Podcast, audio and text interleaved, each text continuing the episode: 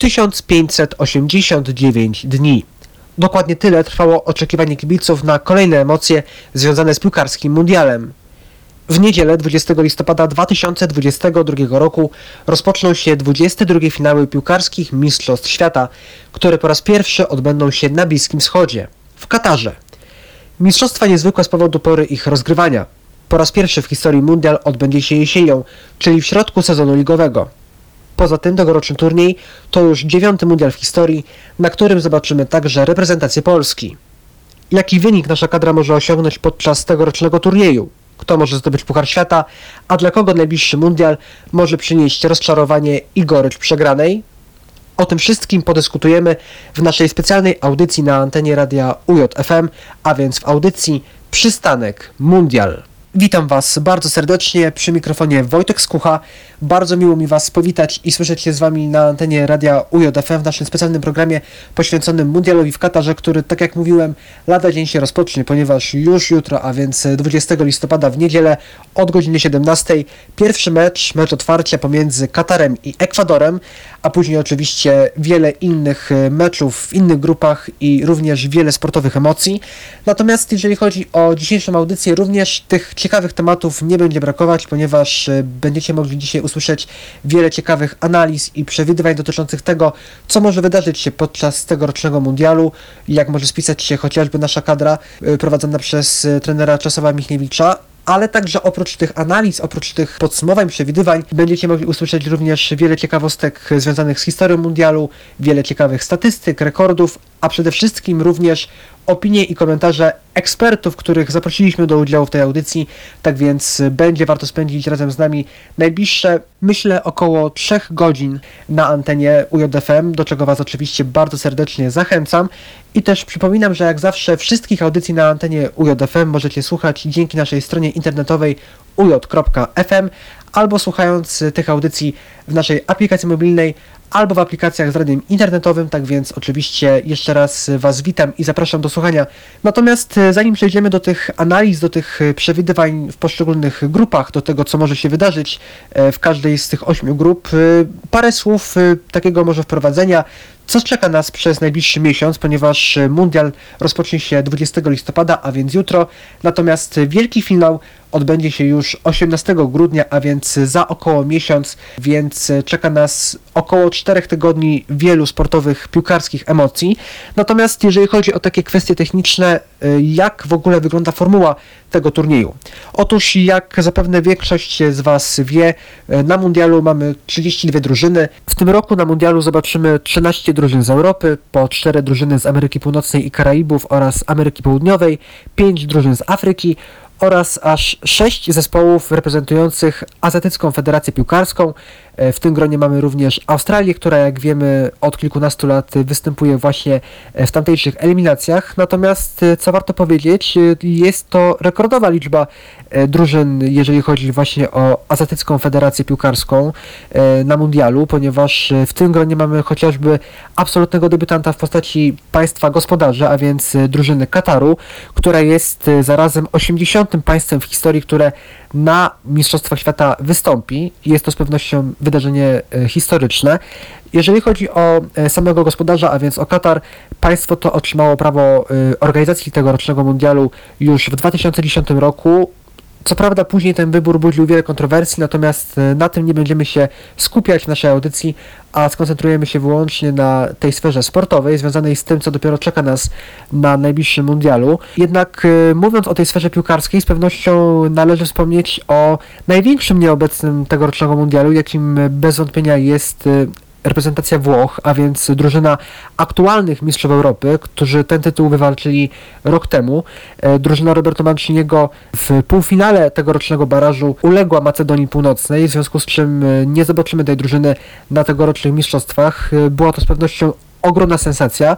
I co też warto wspomnieć, e, przed czterema laty Włosi przegrali w barażu e, ze Szwedami, tak więc już drugi turniej, na który Włosi się nie kwalifikują. Natomiast tych emocji nie będzie brakować i też myślę, że to, jakie grupy mamy na tegorocznym mundialu, również zwiastuje nam wiele niespodzianek, wiele bardzo ciekawych i emocjonujących spotkań. Natomiast oczywiście o tych poszczególnych grupach będziemy sobie mówić w dalszej części audycji. Co też bardzo ważne, tegoroczny turniej jest ostatnim w historii mundialem, przynajmniej na razie, e, w którym zobaczymy dokładnie 32 drużyny, ponieważ już kolejny mundial, który odbędzie się w 2026 roku, będzie rozgrywany w formule 48 drużyn, a więc e, będzie ten mundial dużo bardziej rozbudowany. Z pewnością jest to również pod tym kątem turniej wyjątkowy. Oczywiście o tym, kto będzie grał w danej grupie, o tym, co będzie działo się przez najbliższe kilka tygodni na boiskach w Katarze, będzie jeszcze czas, aby opowiedzieć. Natomiast już za chwilę opowiemy sobie trochę więcej o takich ciekawostkach związanych z historią mundialu. Opowiemy sobie trochę o początkach, o tym, co działo się na poszczególnych mundialach. Oczywiście w takim bardzo telegraficznym skrócie, ale myślę, że będzie warto posłuchać, bo jednak mundial to jest wielka historia piłki nożnej, tak więc e, z pewnością tych wydarzeń epokowych w historii nie tylko tego turnieju, ale też w historii całego futbolu było bardzo dużo. O tym już parę słów więcej za chwilę. Zatem zostańcie z nami. Zaczynamy audycję Przystanek Mundial w UJFM. Naszym pierwszym tematem w audycji Przystanek Mundial będzie powrót do historii mundialu, która, tak jak mówiłem na początku naszego dzisiejszego spotkania, jest naprawdę wyjątkowa i myślę, że z pewnością warto poświęcić jej trochę czasu e, w naszej audycji, co teraz również staje się faktem. Oczywiście każdy z nas może mieć e, różne skojarzenia i wspomnienia związane z tym turniejem. Myślę, że z pewnością takimi epokowymi wydarzeniami mogą być chociażby słynny mecz Argentyny z Anglią w ramach mundialu w roku 86 E, kiedy w ćwierćfinale Diego Armando Maradona zdobywa dwie legendarne bramki. Najpierw kontrowersyjny gol zdobyty ręką, nazywany później ręką Boga, później kapitalny rajd przez połowę boiska, zakończony bramką na 2 do 0. Myślę, że z pewnością bramka ikoniczna, bramka chyba jedna z najbardziej wyjątkowych w historii e, całego futbolu. Dla polskich kibiców to może być chociażby mecz na wodzie, a więc słynny mecz decydujący o losach awansu do finału mundialu w roku 74 w RFN, kiedy Polska przegrała z gospodarzami tego turnieju 0 do 1 po bramce Gerda Millera.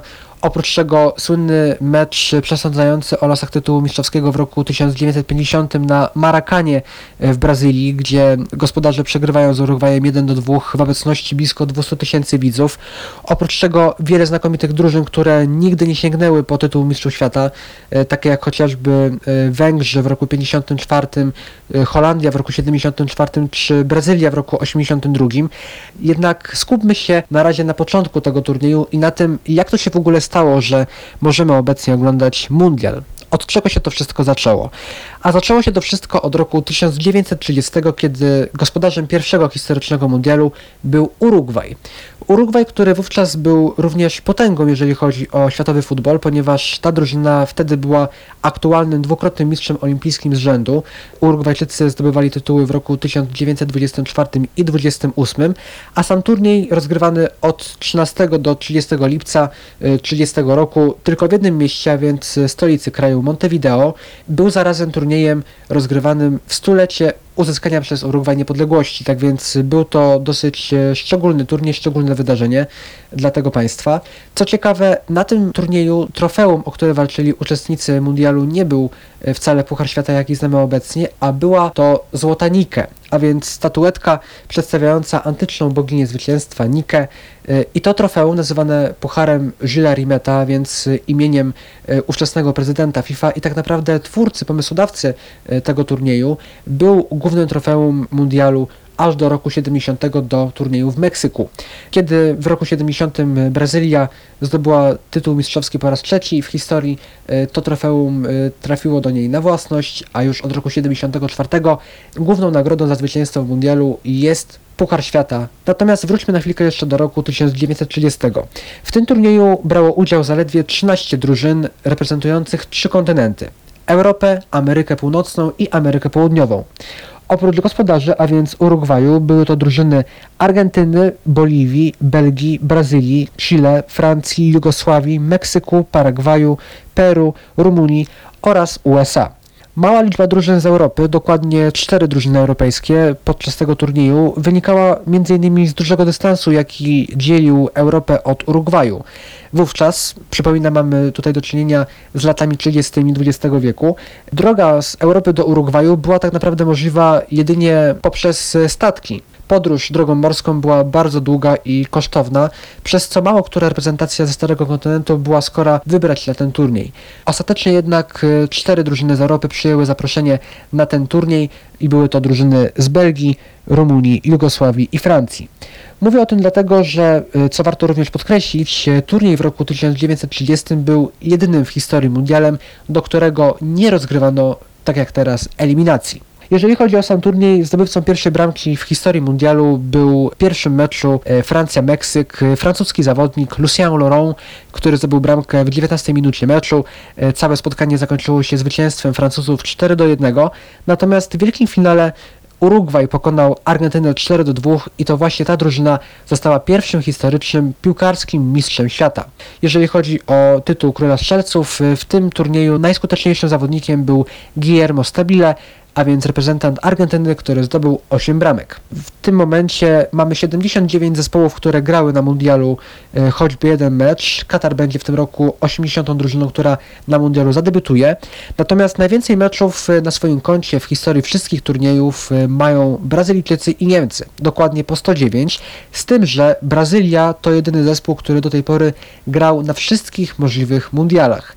E, mundial w Katarze będzie 22 startem Canarinos na tej imprezie, natomiast Niemcy, którzy są na miejscu drugim, mają o dwa występy mniej. Jeżeli chodzi o Polaków, nasz e, dorobek to w tym momencie 8 turniejów e, mistrzowskich. Debiutowaliśmy w roku 1938 i zagraliśmy wtedy tylko jeden mecz w jednej ósmej finału przegrany z Brazylią po dogrywce 5 do 6. Autorem pierwszej bramki dla naszej drużyny w historii mundialu był Fryderyk Szerwke, później cztery bramki Ernesta Willi Natomiast nasze największe sukcesy to oczywiście rok 74 i 82, a więc turnieje kończone na trzecim miejscu. Jeżeli chodzi zaś o dokładny bilans, to 34 mecze, y, z czego 16 meczów kończyło się naszym zwycięstwem, w 5 meczach remisowaliśmy, a w 13 meczach nasza drużyna przegrywała. W bramkach mamy bilans 46 do 45, a więc bilans w miarę korzystny. I jeżeli chodzi o miejsce w tabeli wszechczasów, jest to lokata 15, tak więc y, w tym momencie jest to wynik bardzo przyzwoity. Jeżeli chodzi o najskuteczniejszych zawodników w historii naszej kadry podczas mundialu, to liderem jest tutaj Grzegorz Lato, który ma na swoim koncie łącznie 10 bramek, z czego 7 na mundialu w roku 74, na którym nasz zawodnik został królem strzelców. Później mamy w tym rankingu Andrzeja Szarmacha 7 goli i Zbigniewa Bońka 6 goli.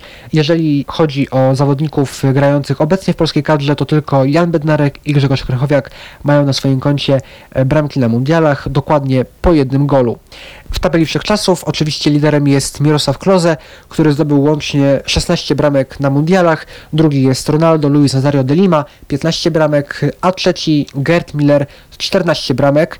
Ciekawostką jest także miejsce czwarte, a więc y, Just Fontaine, legendarny napastnik reprezentacji Francji, który tylko podczas jednego turnieju w roku 58 w Szwecji zdobył aż 13 bramek w 6 meczach. To jest rekord, jeżeli chodzi o liczbę bramek zdobytych przez jednego zawodnika podczas jednego mundialu. E, natomiast jeżeli chodzi o liczbę meczów rozgrywanych podczas Mistrzostw Świata. W polskiej kadrze e, takim rekordzistą jest nasz słynny obrońca Władysław Żmuda, który rozegrał łącznie 21 spotkań podczas Mistrzostw Świata. Natomiast o 4 spotkania więcej ma lider tabeli wszechczasów, a więc Niemiec Lothar Mateusz, y, mistrz świata z roku 90, y, kapitan drużyny niemieckiej na tym turnieju, który łącznie rozegrał 25 meczów podczas mundialu.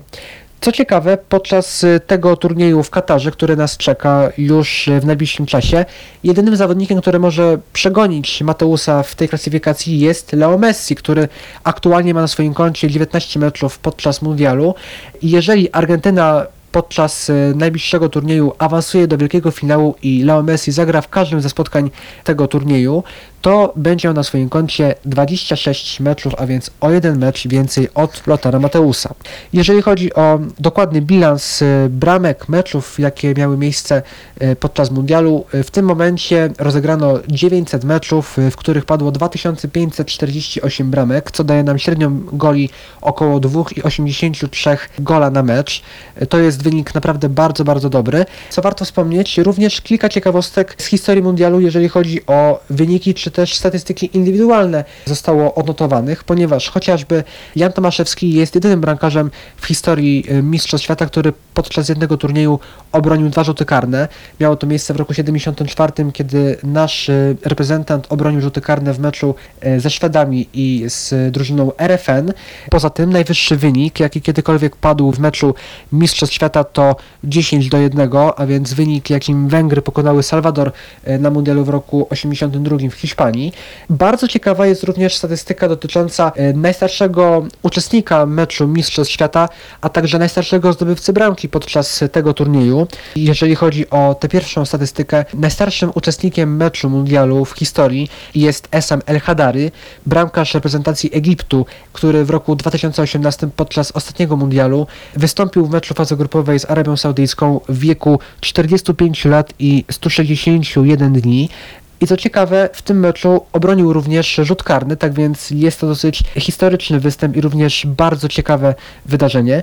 E, Natomiast jeżeli chodzi o najstarszego zdobywcę bramki podczas turnieju Mistrzostw Świata, tą osobą jest e, legenda reprezentacji Kamerunu, Roger Mila, który w roku 94 podczas mundialu w USA zdobył bramkę w wieku 42 lat i 38 dni. To tyle, jeżeli chodzi o garść e, ciekawostek dotyczących e, historii mundialu. Oczywiście tych faktów historycznych i tych ciekawych e, statystyk z historii Mistrzostw Świata jest znacznie, znacznie więcej, ale myślę, że z pewnością kiedyś jeszcze będzie na to czas, aby to wszystko podsumować i opowiedzieć. Natomiast już za chwilę przejdziemy do kolejnej części naszej audycji, a więc do analizy poszczególnych grup, do tego jak turniej w Katarze w roku 2022 może się potoczyć w poszczególnych grupach i jak mogą spisać się poszczególne reprezentacje, które na tym mundialu zobaczymy. Tak więc koniecznie bądźcie z nami. Słyszymy się za parę chwil. Jeżeli ktoś dopiero teraz włączył radio UJFM, przypomnę, że słuchacie audycji Przystanek Mundial, a więc audycji poświęconej tematowi piłkarskiego mundialu, który już lada dzień rozpocznie się w Katarze. Wojtek Skucha, witam ponownie. Za nami garść ciekawostek historycznych związanych z historią Mistrzostw Świata w piłce nożnej, a teraz przechodzimy już do analiz tego, co może dziać się w poszczególnych grupach na tegorocznym turnieju, a więc w grupach od A do H. Przypomnę tylko, że obrońcami tytułu mistrzowskiego w tym roku są Francuzi, którzy przed czterema laty na mundialu rozgrywanym w Rosji pokonali w wielkim finale Chorwatów 4 do 2, natomiast trzecie miejsce na mundialu w roku 2018 zajęli Belgowie, którzy pokonali w meczu o brązowy medal Anglików 2 do 0. Przed nami pierwsze wejście związane z analizami e, grup tegorocznego mundialu, a więc dotyczące grup A i B. I o tym, co właśnie może wydarzyć się e, na tegorocznym mundialu w tych dwóch grupach opowiedzą Wam już teraz Alan Rzepa i Andrzej Kowalczyk. A więc zaczynamy od grupy A, w której znajdują się Katar, Ekwador, Senegal oraz Holandia. Katar mają miejsce na mundialu, ponieważ są gospodarzami. Nie ma tutaj większej historii. Są pierwszym gospodarzem, który jest debiutantem w Mistrzostwach Świata od 1934 roku, czyli de facto od drugiej edycji Mistrzostw Świata. Akram Afif jest najbardziej wartościowym zawodnikiem reprezentacji Kataru. Ma 25 lat, rozegrał 83 mecze i do tej pory zdobył 24 bramki. Zawodnikiem z największą ilością rozegranych meczy jest Hassan Al-Haidos. Ma ich na koncie 160. Niewątpliwą przewagą, a właściwie zaletą reprezentacji Kataru jest to, że wszyscy jej zawodnicy grają na co dzień w Katarze, więc są przygotowani do panujących tam warunków atmosferycznych. Reprezentacja Ekwadoru zakwalifikowała się poprzez zajęcie czwartego miejsca w grupie, eliminując tym m.in. Chile oraz Kolumbię. Jej największym sukcesem w historii Mistrzostw Świata było dojście do 1-8 finału w 2006 roku, gdzie zostali wyeliminowani przez reprezentację Anglii. Jej największą gwiazdą jest zdecydowanie grający w Brighton Hove Albion Moises Caicedo, a największym nieobecnym jest zdecydowanie Leonardo Campana, były zawodnik Wolverhampton Wanderers. Senegal do tej pory na Mistrzostwach Świata był dwa razy. Pierwszy raz w 2002 roku, kiedy to w Korei dostali się do ćwierćfinału, gdzie przegrali z Turcją. W 2018 roku w Rosji nie wyszli z grupy. Ich awansie na Mistrzostwa Świata w tym roku zadecydował mecz z Egiptem, który po kontrowersjach oraz pokarnych zakończył się ich zwycięstwem. Najważniejszym zawodnikiem reprezentacji Senegalu jest Sadio Mane, napastnik grający w Bayern Monachium. W rozegranych 92 meczach strzelił 33 bramki dla reprezentacji. Obecny, nieobecny, ponieważ na mundial pojechał, ale w pierwszych meczach niestety nie będzie w stanie grać przez kontuzję. Reprezentacja Holandii jest zdecydowanie jednym z faworytów na tegorocznym mundialu. Gwiazd mają wiele, ale najjaśniejsza może być tylko ta jedna, którą obecnie jest Frankie de Jong w świetnej formie dla FC Barcelony.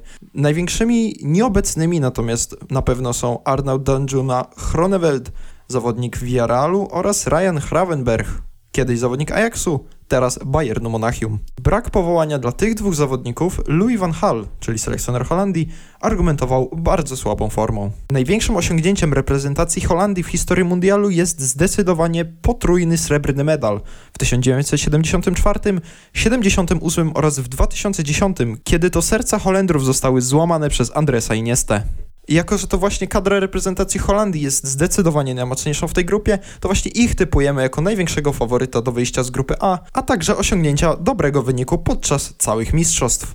W grupie B natomiast znajduje się Iran, USA, Walia oraz Anglia. I analizę grupy B zaczniemy właśnie od synów Albionu, których największą gwiazdą jest zdecydowanie Phil Foden, gracz Manchesteru City, pomimo tego, że no tych gwiazd, nie oszukujmy się, jest tam kilka lub nawet kilkanaście. A tych gwiazd mogło być jeszcze więcej, gdyby nie fakt, że kontuzje wyeliminowały zarówno Bena Chilwella, jak i Risa Jamesa. Jednak największym szokiem okazał się brak powołania dla Fikayo Tomoriego, który w zeszłym sezonie zdobył Mistrzostwo Włoch z AC Milanem. Największym ich sukcesem w historii mundialu jest zdecydowanie zajęcie pierwszego miejsca w 1966 roku.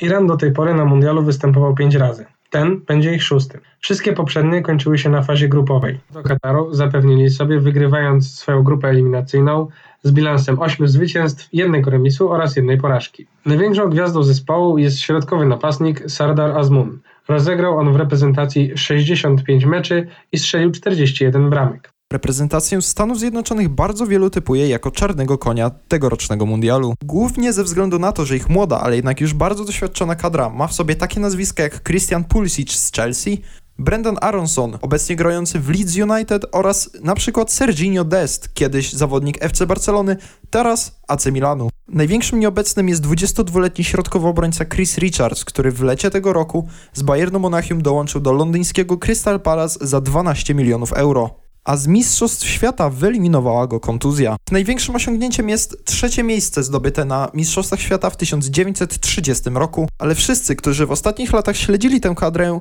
wiedzą, że mają oni apetyt na więcej. Po raz drugi w historii swojej reprezentacji zakwalifikowała się na Mistrzostwa Świata. Pierwszy miał miejsce w 1958 roku, gdzie dotarli do ćwierćfinału, w którym przegrali z Brazylią. Byli ostatnim finalistą tegorocznych Mistrzostw z Europy. Jako 13 drużyna zakwalifikowali się do mundialu. Awansowali po wygranym 1-0 meczu z Ukrainą. Dwóch kluczowych zawodników to Ben Davis, obrońca grający na co dzień w Tottenhamie, oraz Gareth Bale, który do tej pory rozegrał 108 meczy i strzelił w nich 39 bramek. Co dzień reprezentuje barwy FC Los Angeles. Tak jak w grupie A głównego faworyta, czyli Holandię, widać gołym okiem, tak w grupie B na tym samym miejscu plasuje się reprezentacja Anglii.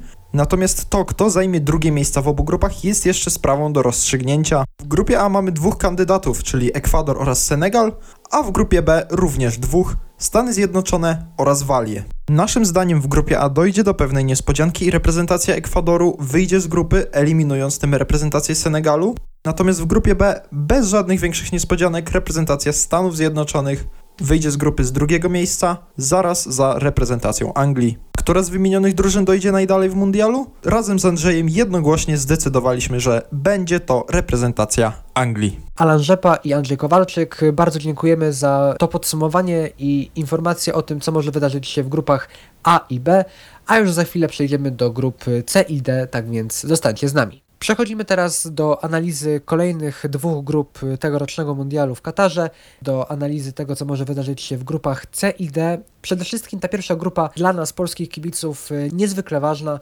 ponieważ właśnie w niej zagrają reprezentanci Polski.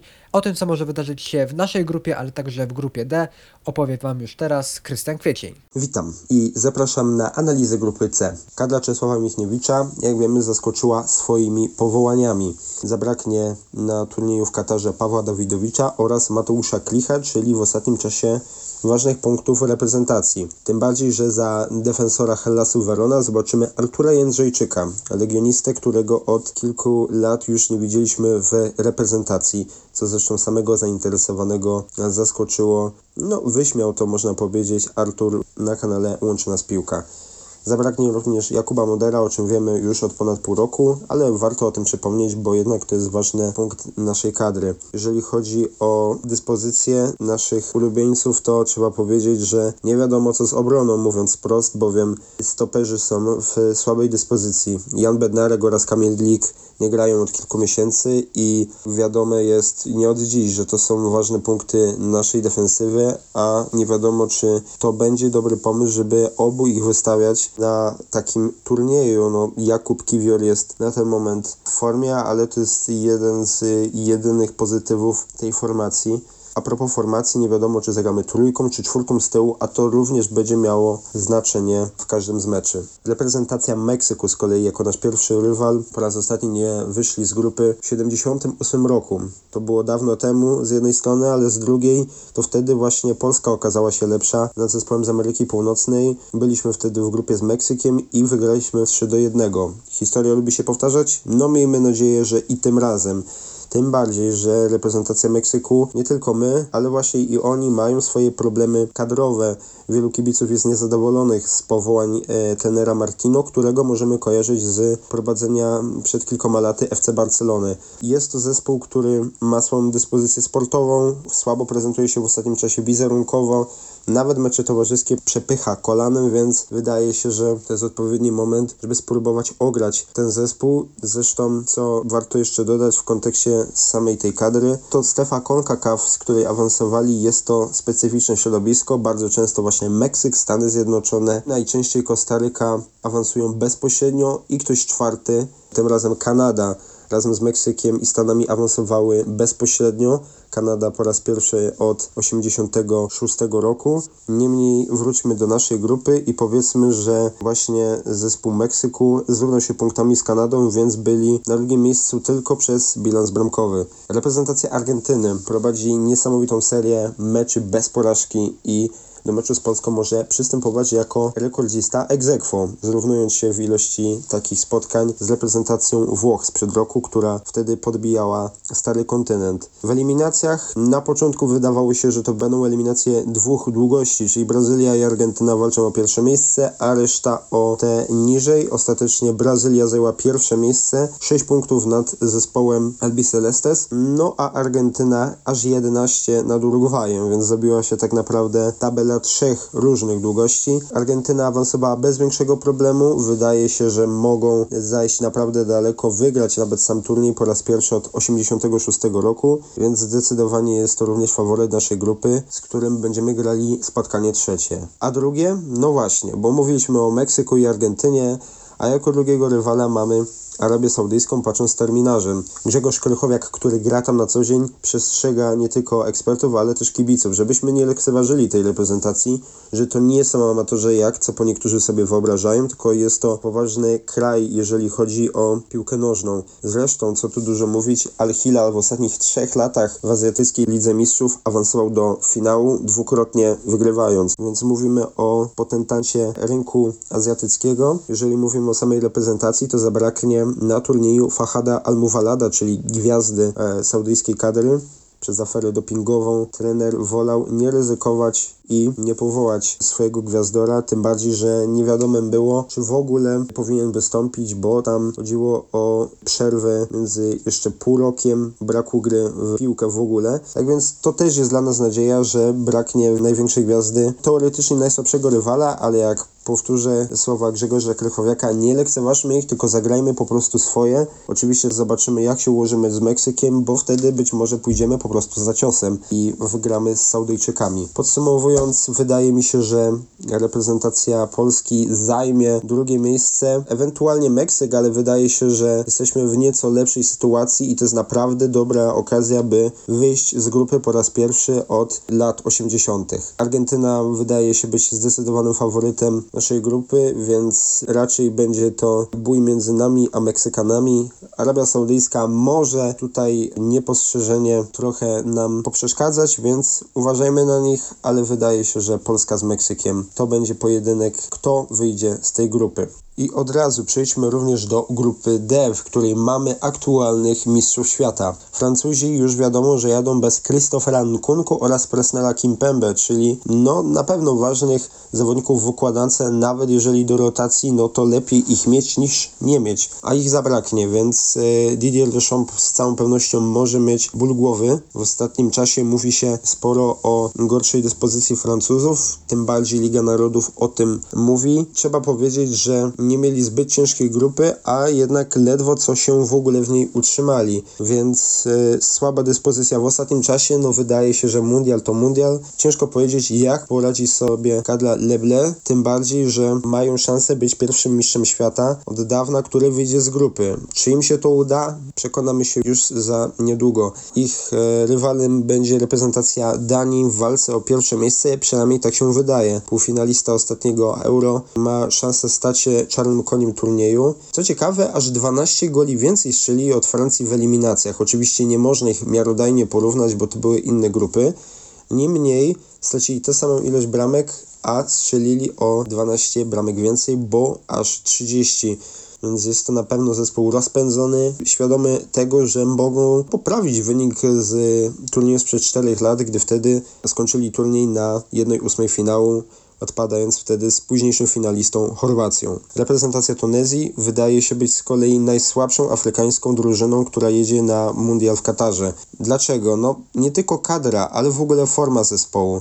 To będzie już szósty mundial tej reprezentacji i oni jak dotąd nigdy nie wyszli z grupy. Józef Msani oraz Mwabi Kazli to są największe gwiazdy tej reprezentacji. Ten pierwszy jest bardziej gwiazdą lokalną, którą kochają kibice z Tunezji tak na co dzień, bo mają go na co dzień, bowiem gra na afrykańskich boiskach. Z kolei Kazri jest to zawodnik, który w tym sezonie bez większego problemu powinien wbić ćwierć tysiąca meczy w Ligue 1, więc mówimy o panu piłkarzu na skalę Tunezji, który reprezentuje ich dumnie w Europie. W eliminacjach poszło im, można powiedzieć, jako tako, bo we wcześniejszej fazie grupowej tylko dwa punkty przewagi nad Gwiną Równikową, która umówmy się nie jest jakimś mocnym zespołem, no a w decydującym meczu pokonali Mali 1 do 0 i nie był to też najlepszy mecz tej reprezentacji. Ostatecznie zapewnili sobie awans, więc może jednak powalczą o, coś więcej tym razem. Ostatnim zespołem jest kadra Australii. Kangury już po raz piąty z rzędu awansują na mundial i jest to z całą pewnością sukces z tym, że tylko raz wyszli z grupy. To miało miejsce w 2006 roku na mundialu w Niemczech. Zajęli trzecie miejsce w eliminacjach po Arabii Saudyjskiej i Japonii, więc musieli przejść przez baraże. Często potrafią przeszkadzać największym jak Holandii w 2014 czy Francji w 2018. Czy będzie tak i tym razem zobaczymy. Wydaje się, że wyjdzie Francja oraz Dania. Na trzecim miejscu Tunezja bądź Australia, a ja ze swojej strony dziękuję. Krystian Kwiecień, dziękuję bardzo. To było podsumowanie tego, co może wydarzyć się podczas tegorocznego mundialu w grupach C i D. A za chwilę w naszej audycji pierwszy gość specjalny, tak więc koniecznie słuchajcie naszej audycji, aby tego nie przegapić. Wracamy do Was już za parę chwil. Słuchajcie w dalszym ciągu audycji Przystanek Mundial w UJFM. Po analizach tego, co może wydarzyć się w grupie A, B, C i D na tegorocznym mundialu, czas teraz na pierwszą rozmowę z naszym ekspertem, a naszym pierwszym gościem dzisiaj jest Patryk Ganiek z TVP Sport. Witam Cię Patryk bardzo serdecznie. Dzień dobry, cześć. Słuchaj Patryk, na początek chciałbym Cię zapytać o skład naszej kadry, jaki ogłosił trener Michniewicz. Które z tych 26 nazwisk, bądź brak czyjego nazwiska na tej liście wydaje Ci się takim największym zaskoczeniem? Trudno wskazać jedno konkretne nazwisko, z tego powodu, że Mateusz Klich, jego brak przez wielu określany jest jako to największe zaskoczenie, natomiast nie gra zbyt wiele, a w zasadzie to po kilkanaście minut na mecz w lidze angielskiej, świetnej lidze, natomiast no, nie jest to Mateusz Klich w takiej formie, żebyśmy mogli za nim płakać. Poza tym, jeżeli przyjrzymy się temu, co chce grać i w jaki sposób chce grać trener Czesław Michniewicz, to dla tego Klicha miejsca w zasadzie w reprezentacji zbyt wiele też, e, też nie ma. Rozumiem punkt widzenia e, Michniewicza, zresztą każdy swój wybór bardzo logicznie wytłumaczył i w zasadzie nie ma żadnego punktu zapalnego. Mówił o czterech bramkarzach, wziął trzech, y, wszystko po to, żeby zagospodarować jedno dodatkowe miejsce dla skrzydłowego. Nawet obecność Damiana Szymańskiego, czyli defensywnego pomocnika, też jest w pełni zrozumiała. No bo potrzebuje kogoś, kto będzie w stanie zastąpić Krystiana Bielika, który w ostatnim meczu gdzieś schodził z grymasem na twarzy, bólem w, w kolanie, jak się okazało. Na szczęście wszystko z nim w porządku. Problem też miał skórać w ostatnim meczu z Jagiellonią Białystok, więc tak czy owak na radarze nadal jest wielu, wielu piłkarzy i potrzebował Michniewicz ludzi, którzy będą idealnie wpisywać się w jego taktykę. A z tego, co selekcjoner wspomina, to raczej będziemy grać czwórką w obronie ze skrzydłowymi, bo ci skrzydłowi w ostatnim czasie obrodzili, objawili się w postaci Skurasia, w postaci grającego bardzo regularnie Kamińskiego. Reasumując, dla mnie powołania zaskoczeniem nie są. E, Sporo mówiło się też e, chociażby o Dawidzie Kownackim, czy przede wszystkim o Arturze Jędrzejczyku, którego powołanie chyba jest takim największym, może nie zaskoczeniem, ale takim faktem, który jest dosyć niespodziewany. Myślisz, że obecność Jędrzejczyka w kadrze jest e, tym, czego teraz trener Michniewicz potrzebuje? Takiego właśnie zadaniowca, który jako doświadczony zawodnik może grać na wielu pozycjach w obronie? Zdecydowanie. To nie jest czas na jakiekolwiek budowanie, na zapraszanie zawodników, którzy w danej chwili nic nie dadzą. Bochniewicz. Wszyscy podnoszą, że gra w lidze holenderskiej regularnie od deski do deski i byłby przydatnym piłkarzem. Ale Bochniewicz nie zagrał w reprezentacji Michniewicza ani jednego spotkania. Dalej, Paweł Dawidowicz wrócił po kontuzji. Oczywiście był w ostatnim meczu z Juventusem nawet kapitanem Ellasu Verona. Kiedy z nim rozmawialiśmy, to też podkreślał, że jest w dobrej formie, ale w momencie, kiedy strzelił gola z Romą, dostał momentalnie czerwoną kartkę. Dawidowicz to jest taki typ gościa, który jeżeli grałby od początku sezonu bez kontuzji, to na ten mundial z pewnością by pojechał. Ale na teraz potrzeba było kogoś, kto jest ograny. No, tak przynajmniej nakazuje logika, tłumaczyć wybór trenera Michniewicza. On wie, co mu może dać Jędrzejczyk. Grał przecież na euro, grał na wielkiej e, imprezie. Może dać też więcej niż Dawidowicz, jeśli chodzi o lewą stronę obrony, o prawą stronę obrony, o jej środek w ustawieniu z czwórką, z trójką w tyle, więc Jędrzejczyk to jest konkretny piłkarz na konkretny turniej. Po turnieju o Arturze Jędrzejczyku zapomnimy i być może jego kariera reprezentacyjna również się zakończy. Mecz z Walią, końcówka spotkania, to było znamienne, kiedy Walijczycy trafili w poprzeczkę po stałym fragmencie gry. Mogło to spotkanie zakończyć się remisem. Myśmy wpuszczali na boisko Roberta Gumnego, Mikrusa, porównując go z innymi piłkarzami reprezentacji Walii, Roberta Page'a, a gdyby wszedł taki Jędrzejczyk, no to masz kolejnego gościa, który w polu karnym potrafi piłkę wybić, potrafi wygrać pojedynek bark w bark, jest dobry w powietrzu i myślę, że jeżeli weźmiemy pod uwagę choćby reprezentację Meksyku, gdzie będzie jednak ten Montiel, wysocy obrońcy będą wchodzili dobrze grający głową w pole karne, gdzie będzie reprezentacja Argentyny, Otamendi, Romero, znów ludzie, którzy potrafią świetnie się zachować w polu karnym przeciwnika, no to automatycznie musisz być przygotowany na to, że gdzieś albo obronić wynik, albo nawet bramkę strzelić w ostatnich kilku, kilkunastu minutach, właśnie po stałym fragmencie gry. Ja wybór Jędrzejczyka kupuję i tutaj też bym się zbytnio nie obrażał na to postanowienie, na decyzję trenera, trenera Michniewicza. Wspomniałeś jeszcze o jednym piłkarzu? E, Nie, nie, tylko właśnie o Jędrzejczyku. Okej, dobrze, no to z Jędrzejczykiem myślę, jak dla mnie sprawa też jest czysta. Budowanie kadry będzie rozpoczynało się w 2023 roku, bo trafiliśmy na bardzo łatwą grupę eliminacyjną do Euro. Mamy Wyspy Owcze, tak, na przykład Albanię, Czechów, więc tutaj e, jeżeli Jędrzejczyk będzie powoływany w 2023 roku, to będę miał z tym bardzo duży problem. Na teraz nie ma tematu. A powiedz mi tak może przewrotnie, fakt, że na przykład Kamil Glik, e, a więc lider naszej defensywy, dopiero teraz wrócił w ostatniej kolejce e, po urazie do gry w Benevento, że Jan Bednarek również w Aston Villa nie gra regularnie. Mamy wprawdzie Kubę Kiwiora, który spisuje się świetnie w specji, ale czy właśnie ten brak ogrania w meczach ligowych e, może być zagrożeniem dla nas, że jednak ta defensywa może czasami się nie spisywać tak dobrze, jak powinna? ogromnym zagrożeniem. Dlatego kluczowe będzie w tym wszystkim zestawienie środka obrony. Kto Ktoś kiedyś mądrze powiedział, chyba Jarosław Bieniuk, y, że dlaczego my gramy trójką środkowych obrońców, skoro mamy jednego dobrego środkowego obrońcę na teraz. I mowa tu o Jakubie Kiwiorze, który, podkreślamy, dopiero ma za sobą dwa, trzy, cztery bodajże spotkania w reprezentacji Polski. Zatem jest bardzo niedoświadczonym na tym polu graczem. Z drugiej strony Bartłomiej Drągowski mówi o Kiwiorze, że to człowiek bez układu nerwowego i widać to było choćby w debiutanckim meczu z Holandią. To jest gość, który nawet jak popełni błąd na boisku, to nie, nie trwoży się, nie, nie jest wystraszony, tylko w następnej akcji stara się ten swój błąd wyeliminować, naprawić i poprawić swoje zachowanie w danej sytuacji. Zatem na Kiwiorze jak na Zawiszy możemy polegać, tym bardziej, że on w Specji często gra też na pozycji defensywnego pomocnika, jest jedynym obrońcą w naszej kadrze środkowym, który potrafi wyprowadzić piłkę, więc to jest wartość dodana. W Specji wykonuje też stałe fragmenty gry, rzuty wolne, rzuty rożne. Zatem tutaj mamy piłkarza, jeśli chodzi o rozegranie piłki, no najlepszego w defensywie, bez wątpienia. Kamil Glik, doświadczenie ogromne. Jego agent sugeruje, że on od dwóch tygodni jest do gry gotowy. W ostatnim meczu zagrał Benevento. Wcześniej dmuchał, chuchał na zimne, rozmawiał z Cannavaro i niby nie chciał ryzykować gdzieś tam odnowienia urazu, a później jego pogłębienia. Mundial jest dla niego najważniejszy. Pytanie tylko, czy druga liga włoska to jest odpowiednie miejsce? Na pewno nie dla Kamila Glika. Ten schyłek kariery się zbliża podkreślamy zawsze te cechy charakteru naszego środkowego obrońcy. Ja się z tym zgadzam. Na wielkim turnieju będzie przydatny z pewnością.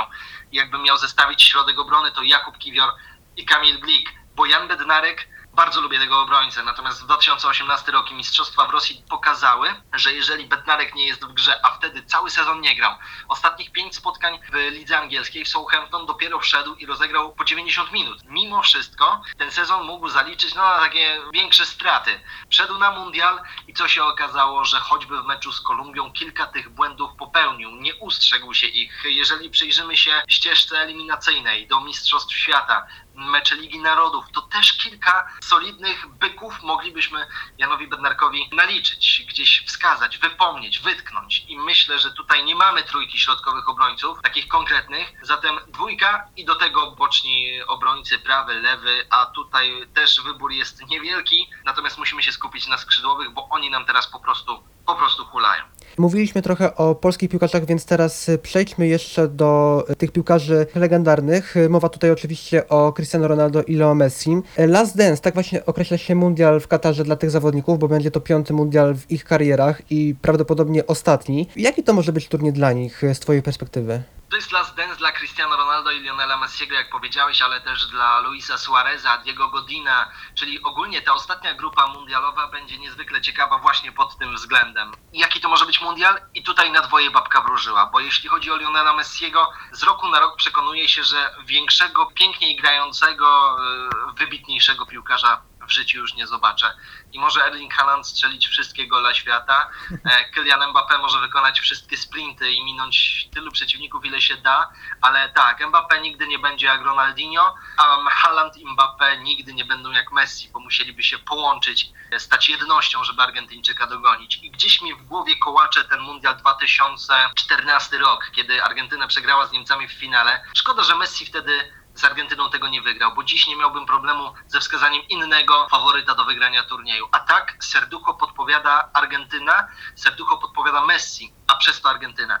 Poza tym Lionel Scaloni i jego zespół, na który już mówi się La Scaloneta, a wiadomo, że przydomek y, zespół, drużyna dostaje wtedy, kiedy staje się wybitna.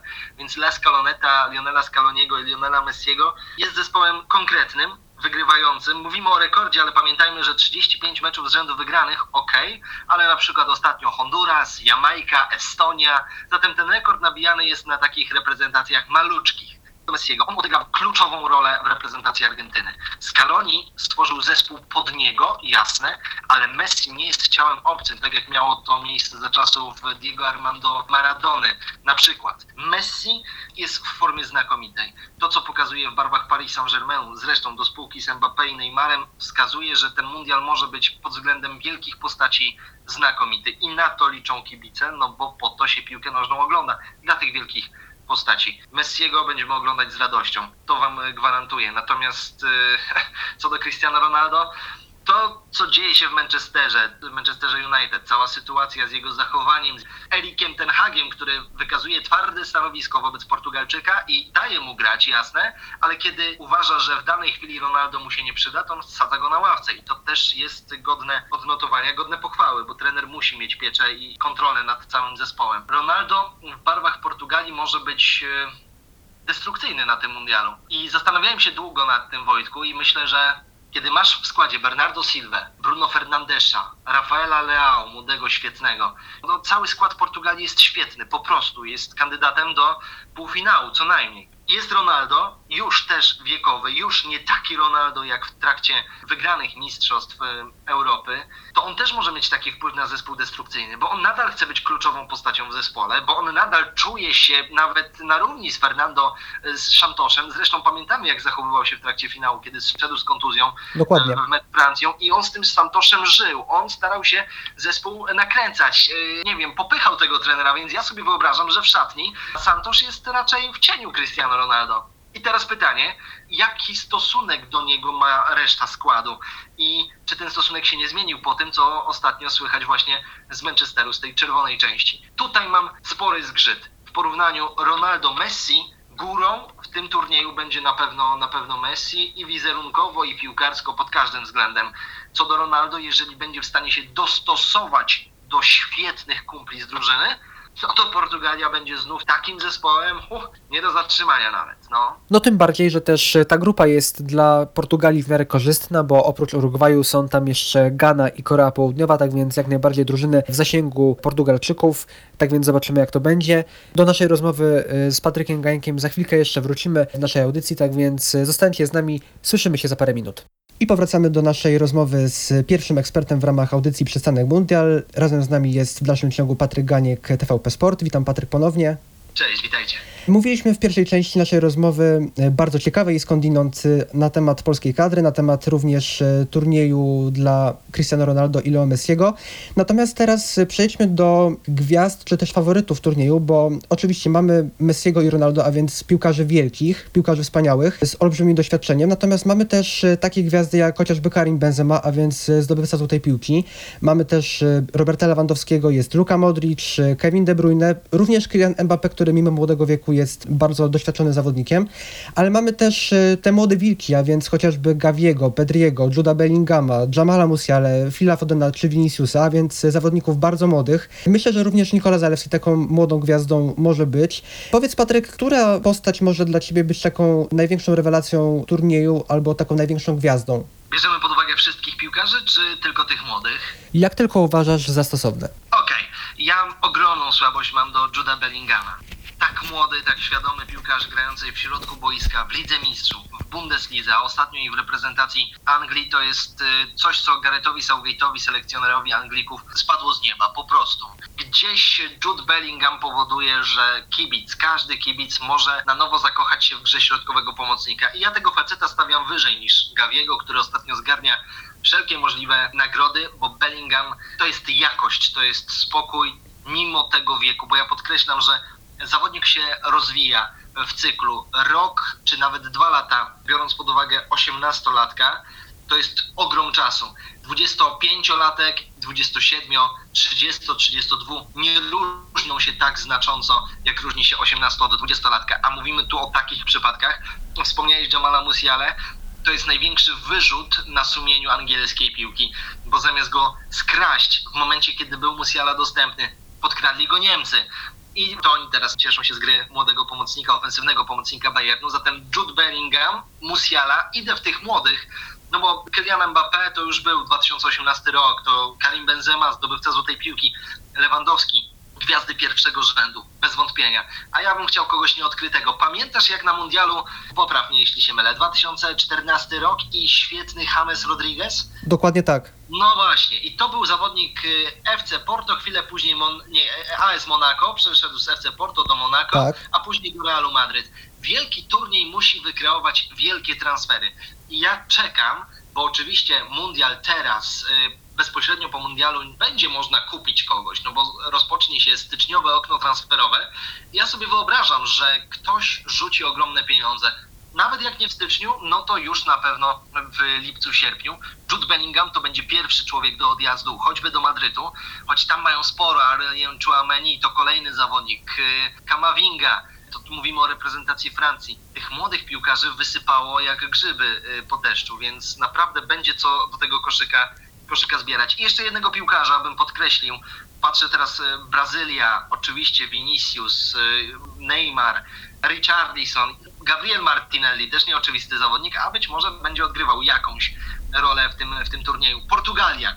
Zerknijcie sobie na Rafaela Leao, bo jeżeli ktoś z tego drugiego, trzeciego, a nawet czwartego rzędu miałby wyskoczyć na piedestał mundialowy, to myślę, że właśnie pomocnik Milanu. Najlepszy gracz Ligi Włoskiej zeszłego sezonu, mistrz Włoch.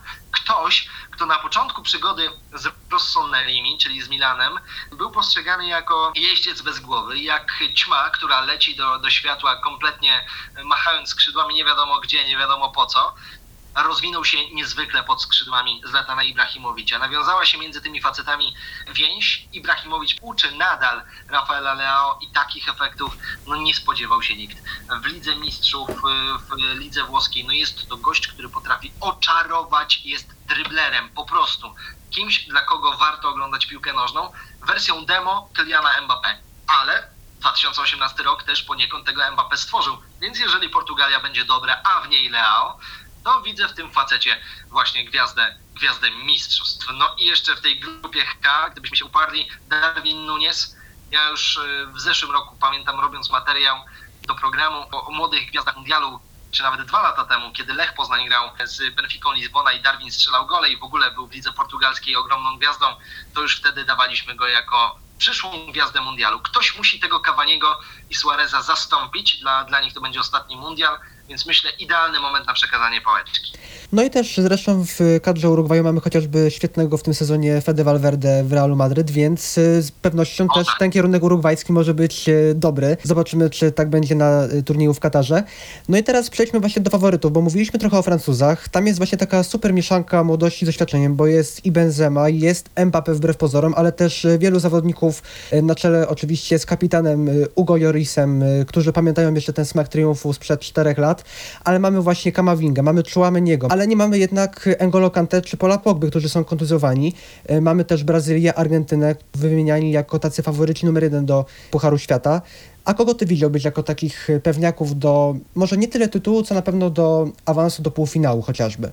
W programie Odliczanie do Mundialu mamy e, Wojtku Power Ranking. Na początku drugiej części programu zawsze prosimy naszych ekspertów, żeby wskazali najlepsze reprezentacje na tablicy. I o ile do zeszłego tygodnia niemal wszyscy huralnie zgadzali się, że numerem jeden jest Brazylia bądź Argentyna, numerem dwa Argentyna bądź Brazylia, tak e, przyszedł w zeszłym tygodniu Bartek Grabi, znany mm, ekspert od piłki południowoamerykańskiej i jasno stwierdził razem z Markiem Wasilukiem, że nie, nie, nie, nie, nie.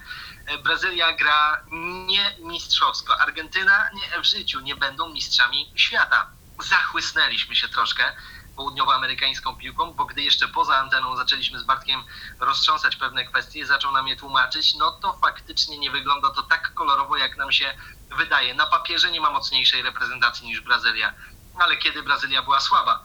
Dokładnie. No właśnie, tylko tam nie ma kto tego fortepianu nosić, e, no bo nawet Casemiro to, to jest piłkarz defensywnie usposobiony, jasne, ale gwiazda, a nie ma tam takiego człowieka dwóch, trzech, czterech, pięciu nawet by się przydało, żeby Neymar i spółka Vinicius mogli sobie dryblować, mogli się bawić i za gwiazdy robić. W Argentynie, okej, w Argentynie tych ludzi, którzy noszą fortepian jest y, więcej, ale nadal też y, gdzieś, mimo że Scaloni stworzył zespół i tu mam taki dysonans, bo ja uważam, że Argentyna może zajść co najmniej do półfinału i wierzę w to, że są w stanie wygrać turniej, no tak opinia na przykład Bartka Rabija powoduje, że y, ten entuzjazm ostyga. Francja zbyt wiele kontuzji. Myślę, że kiedy ten trzon reprezentacji musi zostać. N'Golo Kante zmaga się z urazami od kilku tygodni, kilkunastu tygodni. Pogba wiemy, że nie zagra jeszcze długo i już długo nie gra od początku sezonu w Juventusie ani jednego spotkania. Karim Benzema, Olivier Giroud, wiadomo, to jest doświadczenie, młodość w linii pomocy, doświadczony bardzo bramkarz Hugo Loris. Brakuje Majka Meniona. kontuzjowanego bramkarza Milanu, też świetny, świetny gość. Yy, Jest Teo Hernandez. No wiesz co, możemy wymieniać sobie piłkarzy z każdej reprezentacji. Niemniej Francja to zawsze będzie kandydat, podobnie jak Brazylia, podobnie jak Argentyna. Portugalczycy w zależności od Cristiano, od Cristiano Ronaldo.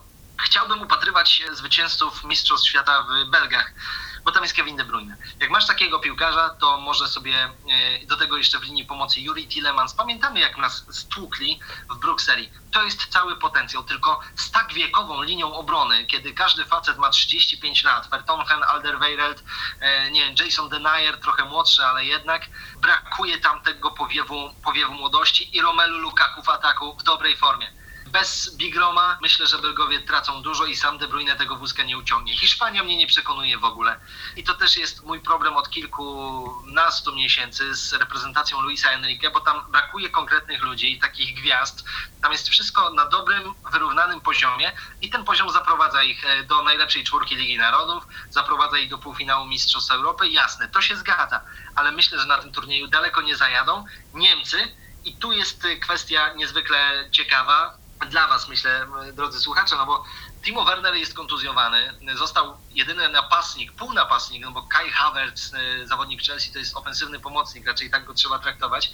Potrzeba było napastnika, więc Hans-Dieter Flick sięgnął i powołał 17-latka z Borussii Dortmund. Mówimy o Jusufie Mukoko. Dodatkowo, wyobraź sobie Wojtek, że debiutujesz na mundialu w reprezentacji narodowej. No to jest właśnie kasus Niklasa Fulkruga, czyli napastnika Werderu Brema. 29 lat ma ten facet. y, No, w szoku, kiedy się dowiedział, że, że jedzie na mundial. Historia piękna, którą będziemy w trakcie mundialu bez wątpienia pielęgnować i myślę, że niemałe szanse ma napastnik Werderu Brema, żeby w tym mundialu zadebiutować. Jeżeli już pozwoliłem sobie na dygresję, to tak, w zeszłym sezonie w Bundeslidze, w drugiej Bundeslidze strzelił 19 goli, a jego kolega z drużyny, ledwie kilka miesięcy młodszy, e, Marvin Duksz, strzelił 20, czyli o gola więcej. W ten sezon w Bundeslidze lepiej wszedł już Fulkrug. 10 goli w 14 meczach i to przekonało Hansa Dietera Flicka.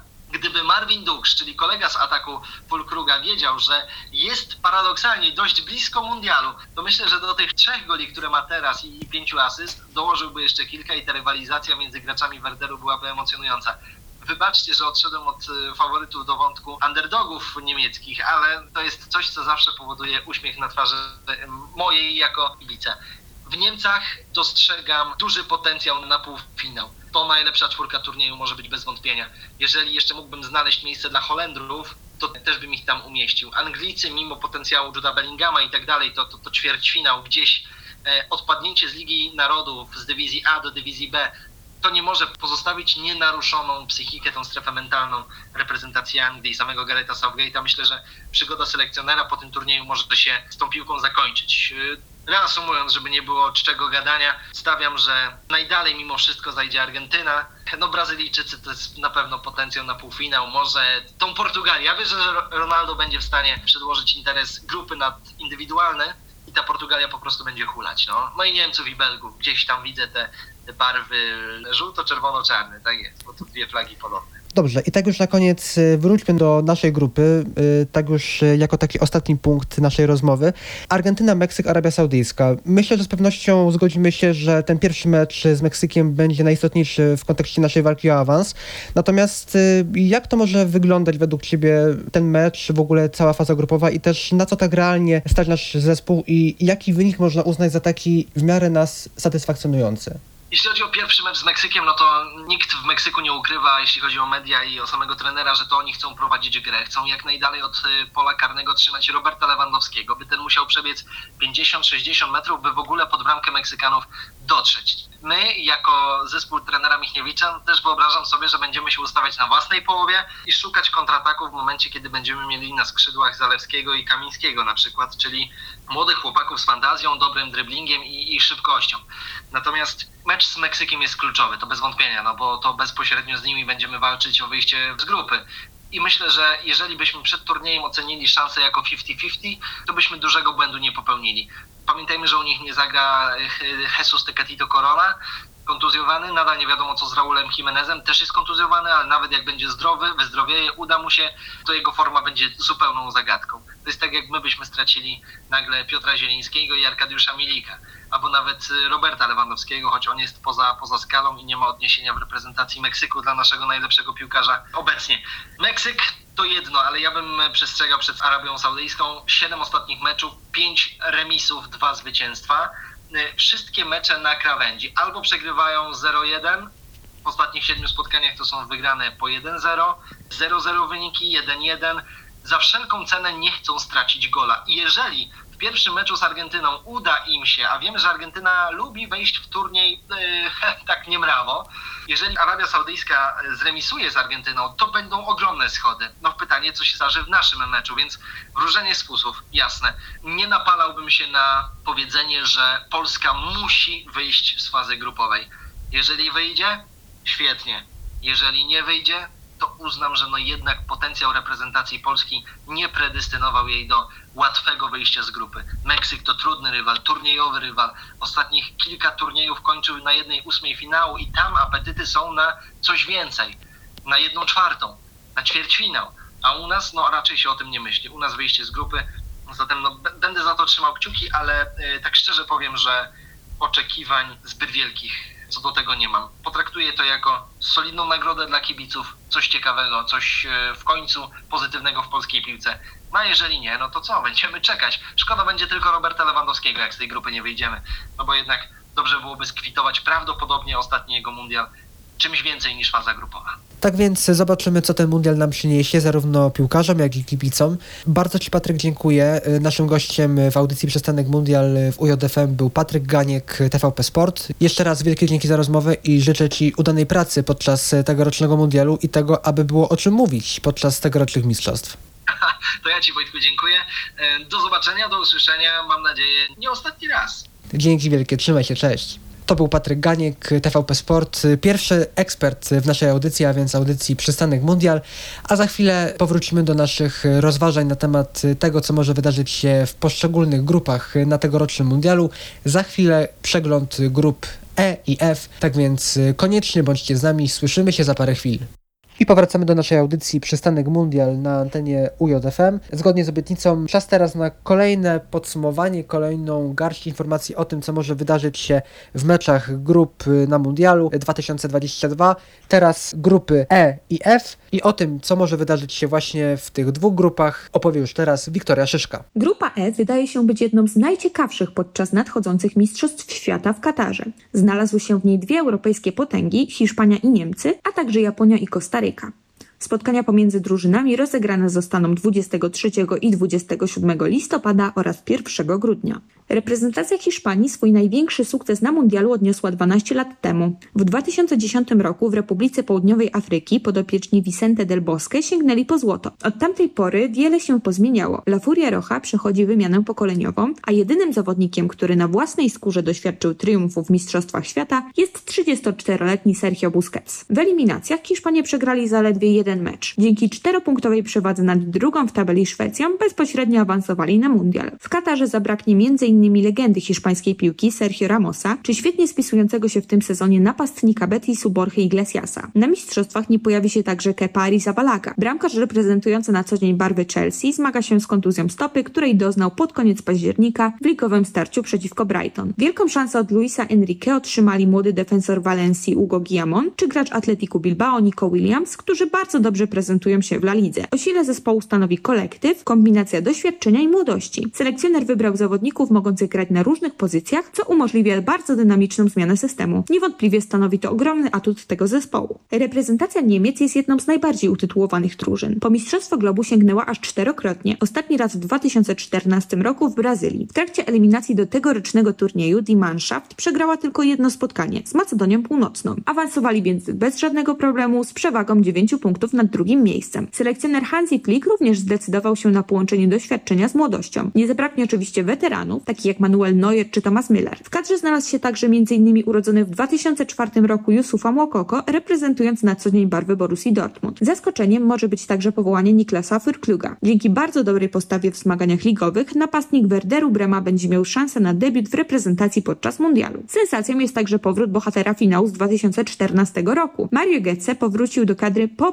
pięciu latach nieobecności. Do Kataru nie pojadą za to zmagający się z kontuzjami Marco Reus oraz Timo Werner. Pomimo spekulacji niemieckich mediów, powołania nie otrzymał także obrońca Mats Hummels. Reprezentacja Japonii swoje największe sukcesy w Mistrzostwach Świata odnosiła już w XXI wieku, kiedy to trzykrotnie awansowała do 1-8 finału rozgrywek. Japończycy awansowali do turnieju z drugiego miejsca w grupie B trzeciej rundy eliminacji azjatyckich. W kadrze znalazło się aż 19 zawodników grających w Europie. To m.in. stoper Arsenalu Takehiro Tomiyasu czy gracz Schalke Maya Yoshida. Do Kataru pojadą także zawodnik Eintrachtu Frankfurt Daichi Kamada oraz nadzieje japońskiej piłki Takefusa Kubo, reprezentujący na co dzień barwy Realu Sociedad. Dziwić może za to brak Kyogo Furuhashiego z Celticu, który w obecnym sezonie szkockiej Premiership zdobył 10 bramek. Na mistrzostwa nie poleci także Yuta Nakayama z Huddersfield, który dzień po ogłoszeniu powołań uszkodził ścięgno Achillesa. Reprezentacja Kostaryki swój największy sukces w Mistrzostwach Świata odnotowała w 2014 roku, kiedy to rozegrała fantastyczny turniej i awansowała do ćwierćfinału. Na tegoroczny mundial Los Ticos zakwalifikowali się poprzez baraże dzięki wygranej 1 do 0 z Nową Zelandią. Niekwestionowaną gwiazdą reprezentacji jest oczywiście bramkarz Keylor Navas, który na co dzień reprezentuje Paris Saint-Germain. Nie zabrakło także kojarzonych z występów w Premier League czy Eredivisie Joela Campela i Briana Luisa. Najliczniejszą grupę w kadrze stanowi sześciu graczy kostarykańskiego Herediano. Zdecydowanymi faworytami do awansu, a nawet osiągnięcia bardzo dobrego wyniku podczas mistrzostw w Katarze wydają się być reprezentacje Hiszpanii i Niemiec, które powalczą ze sobą w drugiej kolejce fazy grupowej. Również interesująco zapowiadają się zmagania w grupie F. W jej ramach zmierzą się medialiści ostatnich mistrzostw, Belgia i Chorwacja oraz dwie drużyny z niesamowitym potencjałem, Maroko i Kanada. Spotkania rozegrane zostaną podobnie jak w przypadku grupy E 23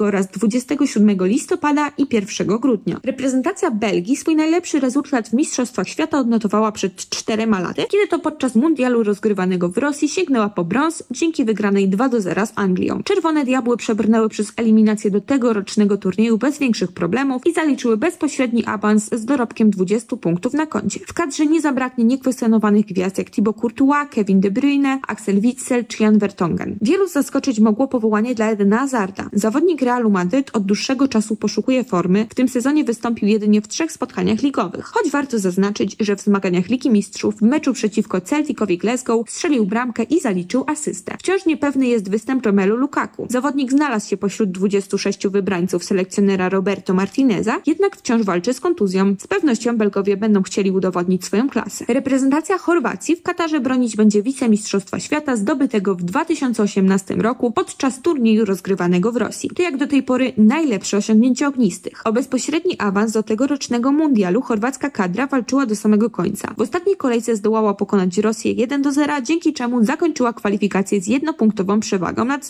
W 26-osobowej kadrze nie zabrakło gwiazd. Luki Modricia, Mateo Kowacicia, Iwana Perisicia czy Marcelo Brozovicia. Warto podkreślić, że powołanie otrzymał także zawodnik z ekstraklasową przeszłością Josip Juranowicz, który w sezonie 2020-21 reprezentował barwy warszawskiej Legii, a obecnie gra w Celticu Glasgow. Zabrakło za to miejsca dla dobrze prezentującego się w Dinamie Zagrzeb Josipa Misicia. Ogromną siłą reprezentacji Chorwacji jest doświadczenie, jednak powtórzenie sukcesu sprzed czterech lat może być bardzo trudne. Reprezentacja Maroka na Mistrzostwach Świata pojawiała się dość nieregularnie. Swój największy sukces osiągnęła w 1986 roku w Meksyku, kiedy to awansowała do 1-8 finału. W drugiej rundzie eliminacji do mundialu wygrała wszystkie spotkania, strzelając 20 bramek i tracąc tylko jedną. W trzeciej rundzie pokonała w dwumeczu Demokratyczną Republikę Konga 5 do 2. Największą gwiazdą Maroka jest Arshaf Hakimi, występujący na co dzień w barwach Paris Saint-Germain. Do kadry powrócił skłócony z poprzednim selekcjonerem zawodnik Chelsea Hakim Ziyech. Na mundial nie poleci za to grać Olimpiku Marsylia Amine Harit. W ligowym meczu przeciwko AS Monaco doznał poważnej kontuzji kolana, która wykluczyła go z występu w Katarze. W ostatnich latach drużyna jest jedną z najlepiej prezentujących się w reprezentacji w Afryce i ma ogromny potencjał na sprawienie niespodzianki. Reprezentacja Kanady awansowała na mundial po raz drugi w historii. Wcześniej miało to miejsce w 1986.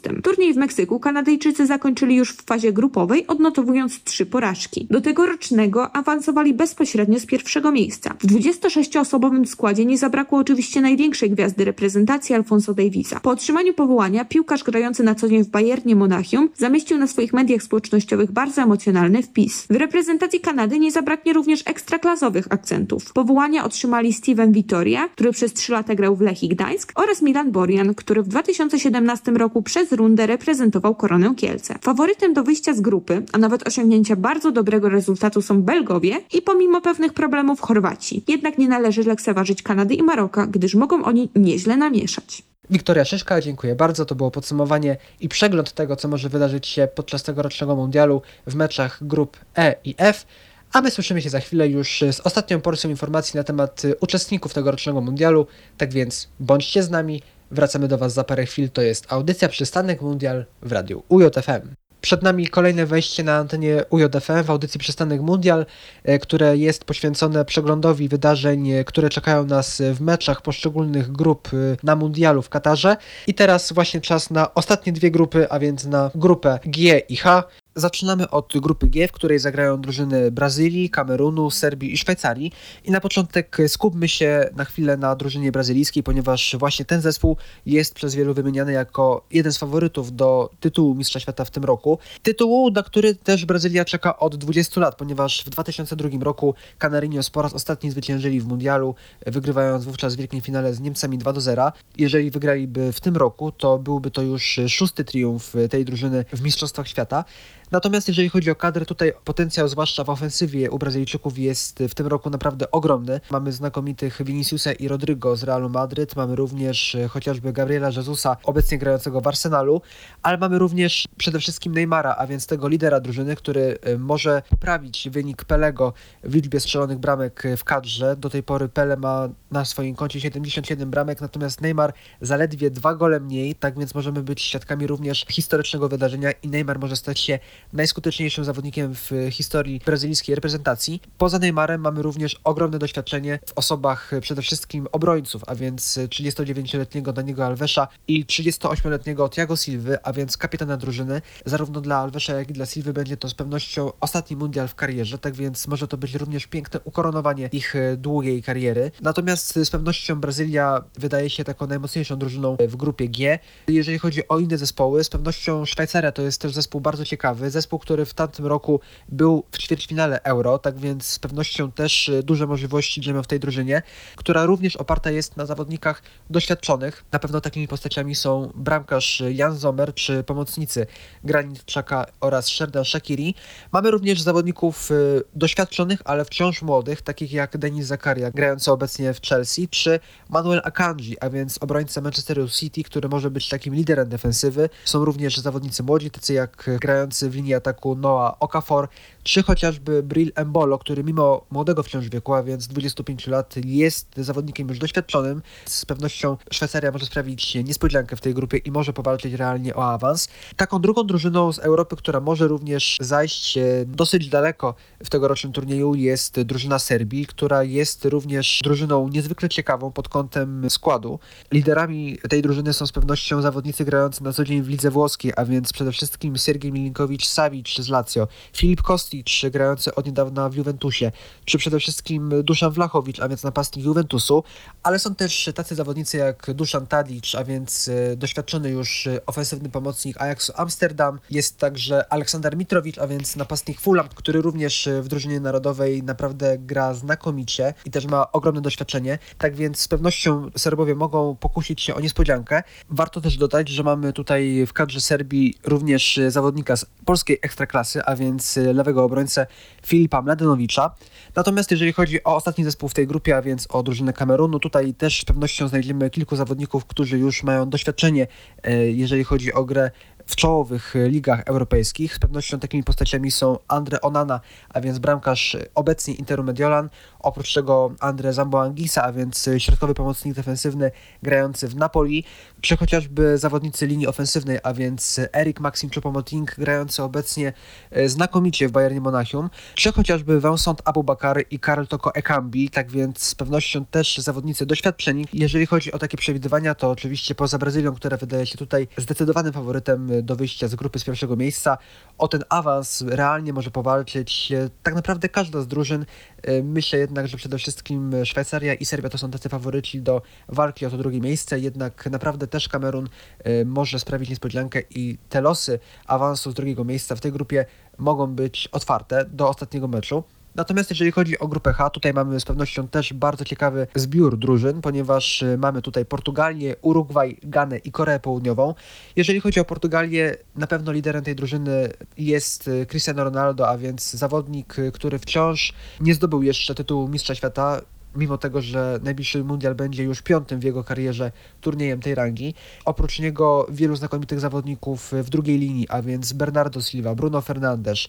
Oprócz tego oczywiście zawodnicy ofensywni, Rafael Lao, o którym już w naszej dzisiejszej audycji mówił Patryk Ganiek, że to właśnie według niego jest to taki kandydat do miana rewelacji tegorocznego turnieju. Jest też Vitinha grający w Paris Saint-Germain, João Felix, Atletico Madryt, który wprawdzie jest ostatnio w słabszej formie, ale jednak e, również jest zawodnikiem naprawdę bardzo ciekawym i perspektywicznym.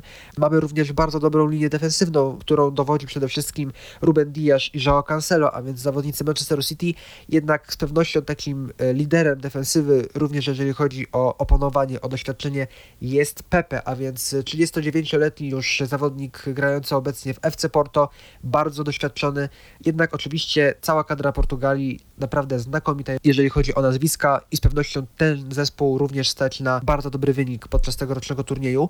Podobnie jak Urugwaj, który też y, może poszczycić się gronem zawodników naprawdę bardzo doświadczonych, dla których również ten mundial będzie ostatnią szansą na wywalczenie medalu tej imprezy, a więc y, na pewno Fernando Muslera, Diego Godin, Luis Suarez i Edinson Cavani, czyli zawodnicy, którzy pamiętają jeszcze zajęcie przez Urugwaj czwartego miejsca podczas mundialu w 2010 roku.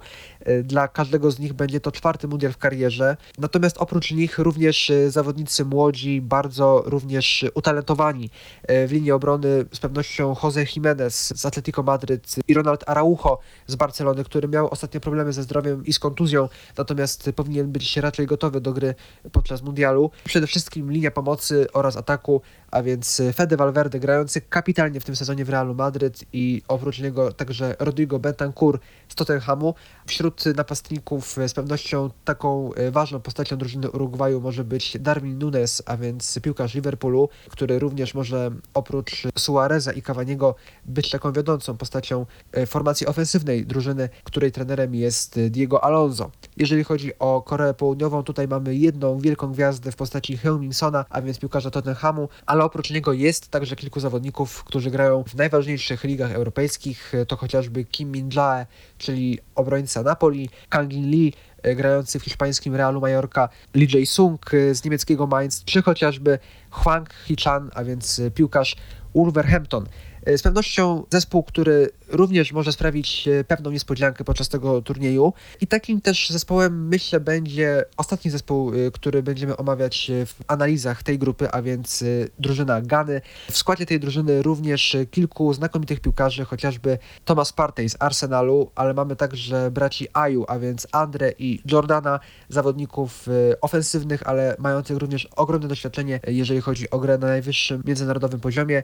Tak więc z pewnością tutaj też e, na pewno Gany nie skreślałbym w kontekście walki o niezły wynik podczas fazy grupowej. Trudno powiedzieć, czy o awans z drugiego miejsca, bo o ten awans będzie bardzo ciężko. Na pewno faworytami będą Portugalczycy i Urugwajczycy, którzy zmierzą się ze sobą w bezpośrednim meczu w drugiej kolejce fazy grupowej.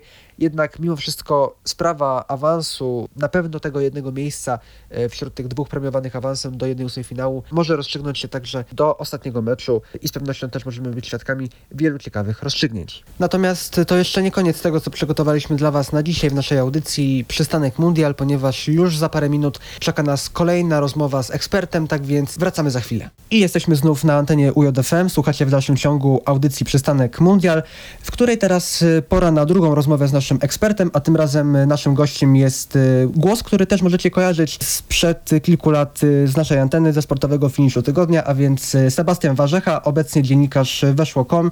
Witam Cię Sebastian bardzo serdecznie. Cześć, witam. Tematem, od którego chciałbym zacząć naszą rozmowę jest y, oczywiście polska kadra, a dokładnie powołania na mundial, które mieliśmy okazję usłyszeć. Wiemy, że już z tych pierwotnych 26 nazwisk y, zabraknie Bartłomieja Dronkowskiego, który doznał kontuzji meczu ligowym. Mamy z kolei Kamila Grabarę, który w tej kadrze na początku się nie znalazł. Y, Powiedz mi, czy wśród tych y, innych nazwisk była jakaś postać, która cię szczególnie zaskoczyła tym, że znalazła się w kadrze albo że jej zabrakło? Że znalazłeś się w kadrze, to, to tak naprawdę trzy. To znaczy może nie tyle zaskoczyły, co, co po prostu jego nie zabrał, bo, bo że Czesław Michniewicz to zrobi, to raczej, raczej się spodziewano. E, Raz, że to Kamil Grosicki, który może jej w zeszłym sezonie w Ekstraklasie grał mm, super, no ale jak teraz rozmawiałem z kibicami Pogoni, coś tam sam widziałem, no to tak naprawdę e, większość swoich atutów w tym sezonie raczej zatracił, raczej nie prezentował się tak dobrze, żeby usprawiedliwić to powołanie. Jakoś chociaż wiem, że Czesław Michniewicz mówił też, że liczy się odpowiedni typ osobowościowy, że pod tym względem też em, patrzył na to, jakich zawodników bierze do kadry, no ale czy Grosicki na miejsce w niej zasłużył? Wątpię, tym bardziej jeśli no, odrzuca się na przykład e, Kaspra Kozłowskiego, który zawsze, kiedy, kiedy wchodził do kadry, coś tam od siebie prezentował i który jest taką jedną z naszych większych nadziei, mam wrażenie, na kolejne lata piłkarską. Zaskoczył oczywiście Artur Jędrzejczyk, tak, bo to jest chyba ten główny punkt, który wszystkich fascynował w pewnym sensie tym, tym powołaniem. Jak to możliwe, że, że znalazł się w kadrze, kiedy mamy jeszcze kilku obrońców, którzy śmiało mogliby zająć jego miejsce. Tutaj Michniewicz z kolei mówił, że to kwestia troszkę tego, że Jędrzejczyk jest zawodnikiem uniwersalnym, że zagra na kilku pozycjach. No i okej, zgadzam się z tym, tylko problem polega na tym, że to już od dawna nie jest poziom reprezentacyjny, że jest elektryczny, że często łapie kartki i to, w, no powiedzmy sobie wprost, no stosunkowo słabej lidze, jaką jest Ekstraklasa, a co dopiero kiedy musiałby wejść na boisko, no już nie mówiąc o Argentynie, ale choćby z Meksykanami, którzy też swoje potrafią.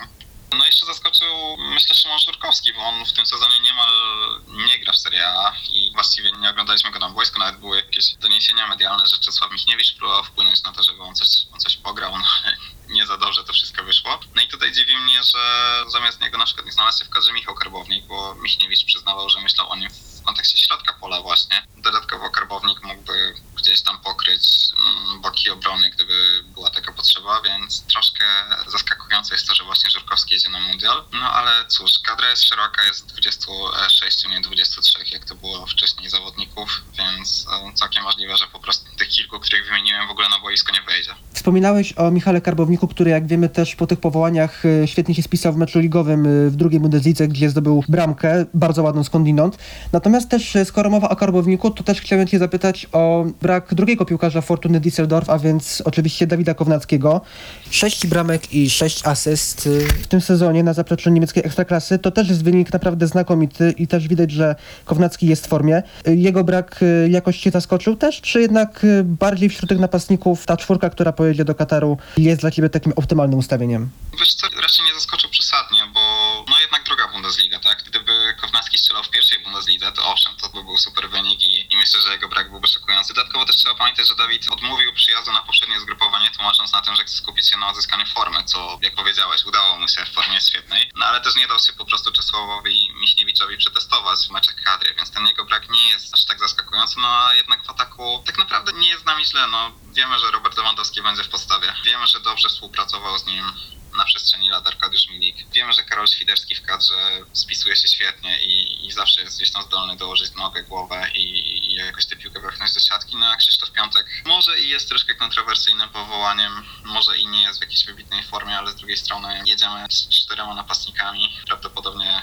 ten czwarty niewiele pogra, tak? Więc to, że akurat on się tam znalazł, też zaskoczeniem być nie może. Nie narzekałbym tutaj na, na skład napastników. Raczej tutaj bym nie szukał tego problemu, szczególnie jeśli wiemy, że właśnie Lewandowski zawsze będzie w tej postawie, no bo on jest naszym najważniejszym, najlepszym zawodnikiem. Takim tematem, który też chciałbym poruszyć, jest to, co tak y, myślę bardzo często nam się kojarzy na myśl o mundialu, a więc ta perspektywa ostatniego tańca Last Dance dla chociażby Leo Messiego czy Cristiano Ronaldo. Piąty turniej w ich karierach przed nimi i obaj też y, nie mają tego tytułu w swoich karierach, w swoich dorobkach. Chciałem cię zapytać, jak oceniasz y, szanse tych dwóch zawodników na dobry wynik podczas tego turnieju i jaki to może być pod kątem gry turniej w ich wykonaniu? Zacznijmy od Cristiano Ronaldo, bo tutaj będzie znacznie gorsza ocena, co mnie jako fana Realu Madryt, który Ronaldo dużo zawdzięcza, troszkę boli, no ale no jest w rozsypce, tak? Cristiano Ronaldo mówił w wywiadzie z Piersem Morganem, że czuje się zdradzony przez Manchester United. Widać, że jakby nie do końca panował nad swoimi emocjami, że też opowiadał dużo o śmierci dziecka, która nim wstrząsnęła i której dalej nie może przeboleć, więc widać, że nie jest nim dobrze, widać, że nie jest w formie, mało gra w Manchesterze United. Nie wiem, może zmotywuje go perspektywa tego ostatniego tańca, o którym wspomniałeś, ostatniej szansy na, na Mistrzostwo Świata. Portugalia ma naprawdę ciekawy, naprawdę dobry skład. Z drugiej strony już od jakiegoś czasu pani tej reprezentacji mówią, że ten potencjał jest marnowany i że właściwie po Euro 2016 powinna nastąpić zmiana szkoleniowca, aczkolwiek wiadomo, że wtedy po zwycięstwie e, nikt by się raczej tego zrobić nie odważył. Natomiast faktycznie Portugalia gra raczej nieciekawie, raczej niezbyt widowiskowo, jak na to, jakich ma zawodników, strzała Felixem czy Bruno Fernandeszem na czele, to no nie zachwyca po prostu. To nie jest taka ekipa, jaką mogłaby być i z pewnością można wyciągnąć z niej więcej. Kto wie, czy w pewnym sensie problemem nie jest Cristiano Ronaldo, bo i to się sugeruje, że tak jak Manchesterze United posadzono go na ławce, może to samo powinno się stać w reprezentacji, ale biorąc pod uwagę to, jaką postacią jest, pewnie, pewnie tego nie doczekamy jeszcze na tym mundialu. Leo Messi z kolei jest w zupełnie innym miejscu w tej chwili. Nie wiem, czy to perspektywa mundialu, czy po prostu drugi sezon już, kiedy obył się z tym Paryżem, natomiast w PSG gra w tym sezonie absolutnie znakomicie. Jest tą czołową postacią, znowu jest jednym z najlepszych piłkarzy na świecie, no a do tego ma świetnie ułożoną reprezentację. To może nie jest e, reprezentacja tak naszpikowana gwiazdami, chociaż też ma kilka, jak choćby Paulo Dybale, który ostatnio miał problemy zdrowotne, ale grać ma. Natomiast jest świetnie ułożona. Trzeba powiedzieć, że Lionel Scaloni wykonał doskonałą pracę, przecież ta kadra nie przegrała od 35 w tej chwili chyba spotkań Dokładnie w tak. momencie, w którym rozmawiamy. Od 2019 roku, kiedy przegrali w Copa America z, z Brazylią. Później zdążyli się zresztą w finale przecież kolejnego Copa America zrewanżować z Brazylijczyką i w końcu zdobyć jakieś międzynarodowe trofeum. Problemem może się okazać brak Giovanniego Lo Celso, który sam Scaloni mówi, że to jest zawodnik nie do zastąpienia. To był gość, dzięki któremu Leo Messi miał dużo większą swobodę. Gość, który razem z Rodrigo de Paulem przejmował środek pola, więc zastanawiam się, jak to, jak to wpłynie na całą kadrę, czy troszkę ją zdestabilizuje. Natomiast wiedzą o tym braku już od jakiegoś czasu i na pewno pracują nad tym, żeby jakoś to ułożyć. A że Scaloni kadrę Argentyny ułożyć potrafi znakomicie, niezależnie od rywala, no to udowodnił już wielokrotnie, więc Argentyńczycy są, myślę, jednym z dwóch największych faworytów do złota w tej chwili i Leo Messi naprawdę ma ogromne szanse na to, żeby po to złoto sięgnąć. Myślę, że nawet większe niż choćby w 2014. Zobaczymy, czy właśnie Argentyna i e, Messi po ten tytuł sięgną.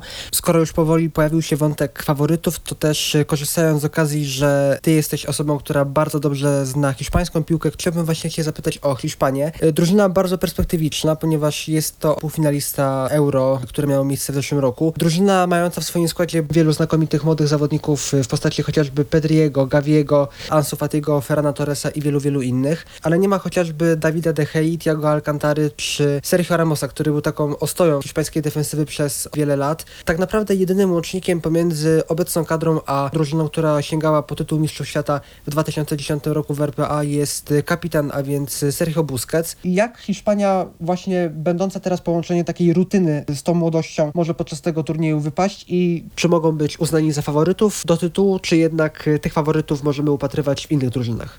Mogą, ale do takich faworytów z drugiego szeregu bym powiedział, bo problem z tą kadrą Hiszpanii jest taki, że kiedy zdobywała Mistrzostwo Świata w 2010 roku, to zdobywała je głównie na barkach piłkarzy, którzy nawet jeśli byli stosunkowo młodzi, to już byli uznanymi graczami, gwiazdami, największymi aktualnie na świecie, często jak, nie wiem, Andres Iniesta, jak Xavi, jak wspomniany Ramos, jak Puyol, który wtedy już był weteranem w defensywie, jak Iker Casillas i tak dalej, i tak dalej, i tak dalej. I do tych graczy dopiero dochodzili inni, którzy byli dodatkiem, jak każdej wielkiej drużynie, no bo muszą też być tacy, którzy niekoniecznie są największymi gwiazdami. W tej kadrze Hiszpanii przede wszystkim trzeba powiedzieć, że ona jest w dużej mierze autorskim projektem Luisa Enrique, który powołaniami regularnie zaskakuje, aczkolwiek na przykład brak Dawida De Gea, o którym wspomniałeś, to, to nie jest żadne zaskoczenie, bo na De Gea od dawna Lucho po prostu nie stawiał i zdecydowanie bardziej woli Unaja Simona w bramce Hiszpanii. Natomiast trudno stwierdzić, na co stać tę Hiszpanię, bo powiedziałeś też, że, że to jest takie połączenie młodości z jakimś tam już pewnym doświadczeniem, bo jest kilku takich piłkarzy, którzy to doświadczenie mają poza Busquetsem.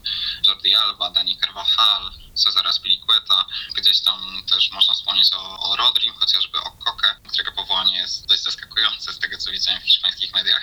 Natomiast no, przewijają się właśnie Pedri, e, właśnie Gavi, którzy prawdopodobnie będą tworzyć ten tercet e, razem z Sergio Busquetsem w środku pola, więc będzie całkowicie barceloński. Jest też Ansu Fati, czy są też piłkarze, których podejrzewam wiele osób by nie powołało, a Luis Enrique to robi i bardzo ich ceni, jak Marco Asensio, jak Pablo Sarabia. Podstawowym napastnikiem kadry Hiszpanii wciąż jest e, Alvaro Morata, którego Lusza też bardzo lubi i który często musiał oddzięczać zresztą całkiem dużą liczbą strzelonych bramek, jak na niego jego postawę w klubie, no to w reprezentacji gra dużo lepiej. To jest kadra bez jednak takich wielkich gwiazd, no bo jeśli największą gwiazdą, rywalizacją największą gwiazdę toczy się gdzieś między, nie wiem, Busquetsem, Carvajalem, a Danim Olmo czy Jeremy Pino, na którego być może zaraz będzie się zabijać u Europy, to faktycznie coś jest nie tak. Z drugiej strony to jest kadra, którą Luis Enrique potrafi poustawiać, co pokazała na wspomnianym przez Ciebie Euro, gdzie tak naprawdę była bliska finału, tak, bo odpadła dopiero po karnych z, z Włochami, którzy później całe mistrzostwa wygrali. To jest kadra, która może zaskoczyć, to jest kadra, która ma duży potencjał, to na pewno, no ale faktycznie być może to jest kadra, której zabraknie jednej czy dwóch gwiazd mogących w pojedynkę zmienić losy spotkania. Gdybym miał stawiać, to problem z tymi Hiszpanami jest głównie taki, że raz mają Niemców w grupie, więc nie wiadomo co stanie się w grupie. Może zajmą drugie miejsce i od razu będą mieli trudniej prawdopodobnie w 1-8. A dwa, że w tej 1-8 właśnie mogą się natknąć najpewniej, jeśli wszystko w drugiej grupie ułoży się tak jak powinno, na Belgów albo Chorwatów, więc to też są reprezentacje na świetnym poziomie. Chorwacji przecież srebrni medaliści ostatnich mistrzostw świata, Belgowie brązowi. Z Chorwatami Hiszpanie grali rok temu na Euro i wygrali po fantastycznym meczu po dogrywce, więc nie będzie im łatwo. No i tak naprawdę dużo zależy od tego, co, co stanie się właśnie w grupie potem w jednej ósmej. I ja to widzę tak, że, że nie zaskoczy mnie Hiszpania na przykład w półfinale. Zupełnie nie zaskoczy, bo tak jak mówię, Enrique jest świetnym strategiem. Enrique potrafi poustawiać ten zespół doskonale. Natomiast równocześnie patrząc na nastroje choćby w samej Hiszpanii, no to jeśli by odpadli w jednej ósmej, to też nie byłaby to żadna wielka sensacja, chociaż na pewno z perspektywy Hiszpanów rozczarowanie. W takim razie powiedz, jeżeli nie Hiszpanie, to kto może o ten tytuł tak realnie powalczyć według Ciebie? Taka dwójka faworytów największa no to są Argentyńczycy, o których już mówiliśmy, więc tylko zaznaczam, że, że oni są być może nawet na pierwszym miejscu. A jako drudzy prawdopodobnie Brazylijczycy i, i to jest o tyle ciekawe, że możemy mieć, gdyby drabinka się odpowiednio ułożyła, ten południowoamerykański finał i nie powinno to nikogo zaskoczyć, bo i Argentyna i Brazylia są w tej chwili na niesamowitym poziomie. Argentyna głównie tą konsekwencją taktyczną, geniuszem Leo Messiego. Brazylia z kolei ma ogromny potencjał ofensywny, mm, zresztą opierający się częściowo na Realu Madryt, tak bo Vinicius Rodrigo, no ale też Neymar, jeszcze kilku innych graczy. Troszkę może ma problemu z defensywą, ale też nie jest tym tak źle. No i naprawdę ten, te dwie trzeba uznawać za tych głównych faworytów, a później tak naprawdę też wszystko chyba leci normalnym torem, tak, czyli Francuzi z ich potencjałem z kolei troszkę przetrzebieni w linii pomocy, no teraz jeszcze dodatkowo kontuzja Kunku pewnie też ich nie ucieszyła, ale z drugiej strony też dysponujący takim potencjałem, tak szeroką kadrą, taką głębią składu, że mimo wszystko będą chronić tych faworytów i walczą o to, żeby jako trzecia ekipa w historii obronić tytuł Mistrzów Świata. Z drugiej strony muszą się mierzyć z tą klątwą mistrzów, którzy w ostatnich latach odpadają później w grupie. No i cała reszta, czyli Hiszpania,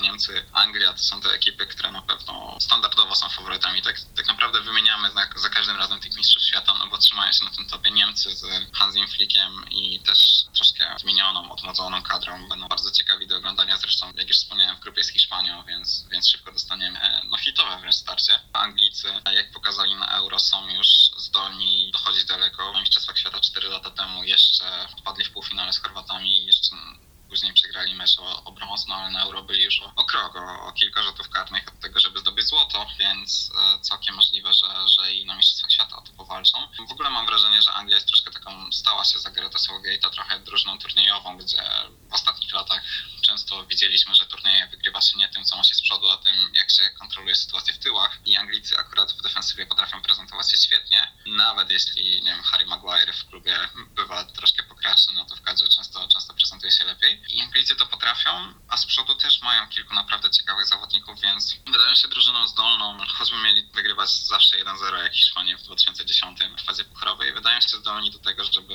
dojść daleko i, i być może nawet powalczyć o drugi w historii tytuł. Do naszej rozmowy z Sebastianem Warzechą jeszcze za chwilkę wrócimy, tak więc nie odchodźcie od odbiorników. Słyszymy się w audycji Przystanek Mundial już za chwilę.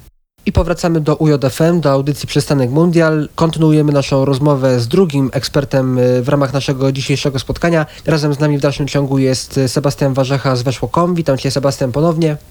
Powiedz jeszcze raz? W pierwszej części mówiliśmy trochę o polskiej kadrze, później o Cristiano Ronaldo i Leo Messim.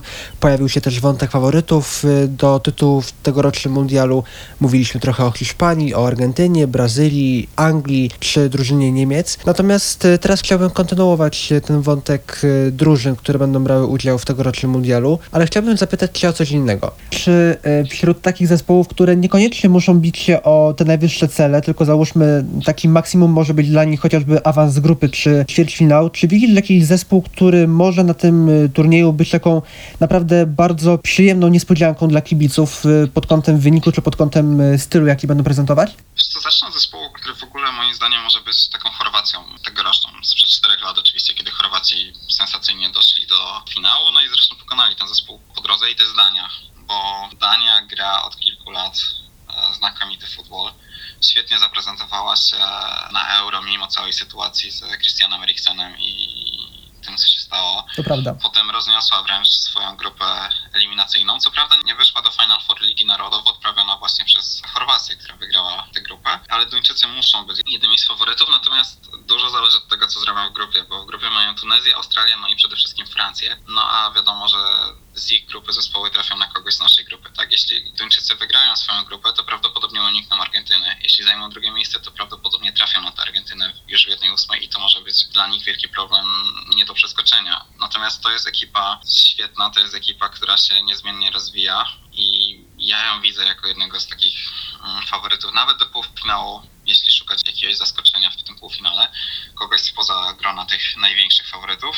Poza tym jestem bardzo ciekaw, co, co pokażą ekipy z Ameryki Północnej i nie mam tu na myśli Meksyku, który w grupie z nami, bo on ma akurat dość spore problemy w ostatnim czasie, ale na przykład USA w grupie z Anglią, Iranem i Walią, gdzie trafić można na Holandię wychodząc z niej na przykład, ale można też na Senegal, Katar lub Ekwador, zależnie od tego, która z tych ekip wyjdzie, więc drabinka może się ułożyć całkiem ciekawie. A Amerykanie w ostatnich latach niesamowicie rozwijają ten swój futbol. Mają całe pokolenie świetnych zawodników, którzy zaczynają troszkę też podbijać Europę, wychodzić coraz częściej z MLS bezpośrednio do klubów europejskich i warto ich obserwować. Podobnym przypadkiem jest zresztą Kanada, bo tam też pokazało się całe pokolenie wręcz utalentowanych zawodników. Natomiast Kanadyjczycy w grupie z Chorwacją, Belgią i Marokiem na pewno nie będą mieli łatwo. No i wiadomo, że Alfonso Davis i, i spółka mogą temu zadaniu jeszcze nie podołać.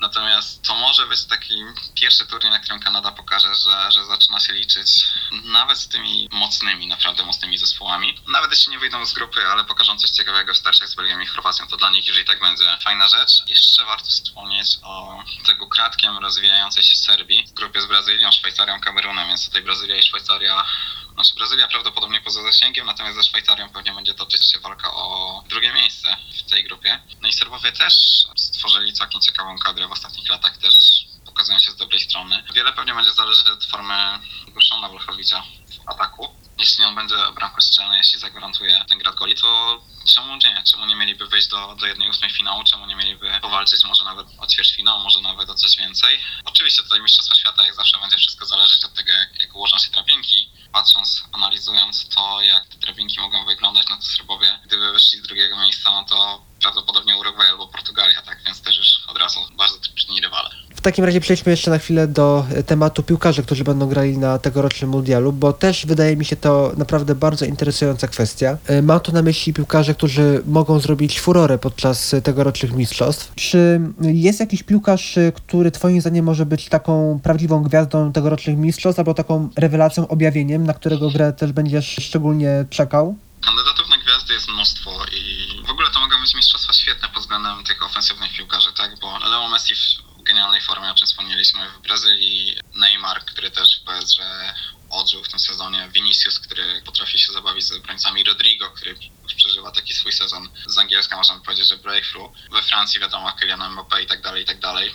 Są też piłkarze tacy troszkę na razie jeszcze z drugiego szeregu przed turniejem, ale tacy jak Jamal Musiala, który Bayernie gra znakomicie, jak Jude Bellingham, którego też po tym sezonie pewnie będą się bić największe kluby z choćby Realem Madryt na czele. Więc kandydatów na gwiazdy jest mnóstwo i, i trudno tutaj wskazać kogoś, kto, kto byłby największym. Natomiast jeśli chodzi o objawienia, to jest kilku gości, na których na pewno warto zwrócić uwagę. Ja osobiście nie mówię, że to są ci, którzy na pewno będą największymi objawieniami, ale trzej, na których ja bym zwracał największą uwagę, to są raz, że takie Fusakubo w Japonii, bo on od kilku już lat gra w e, Primera Division, tylko że różnie było z tym doborem jego klubów i niekoniecznie prezentował się tam najlepiej, ale ten sezon ma całkiem niezły i może się okazać, że będzie głównodowodzącym tej, tej japońskiej kadry, która pewnie ma apetyt na to, żeby coś pokazać, aczkolwiek no, grupa z Niemcami i Hiszpanią, więc łatwo im nie będzie, ale, ale może taka pokaże się z dobrej strony. To będzie Lauro Mayer z Chorwacji, czy też Lauro Mayer, bo na dwa sposoby widziałem, że raczej słyszałem, że jest czytane jego imię.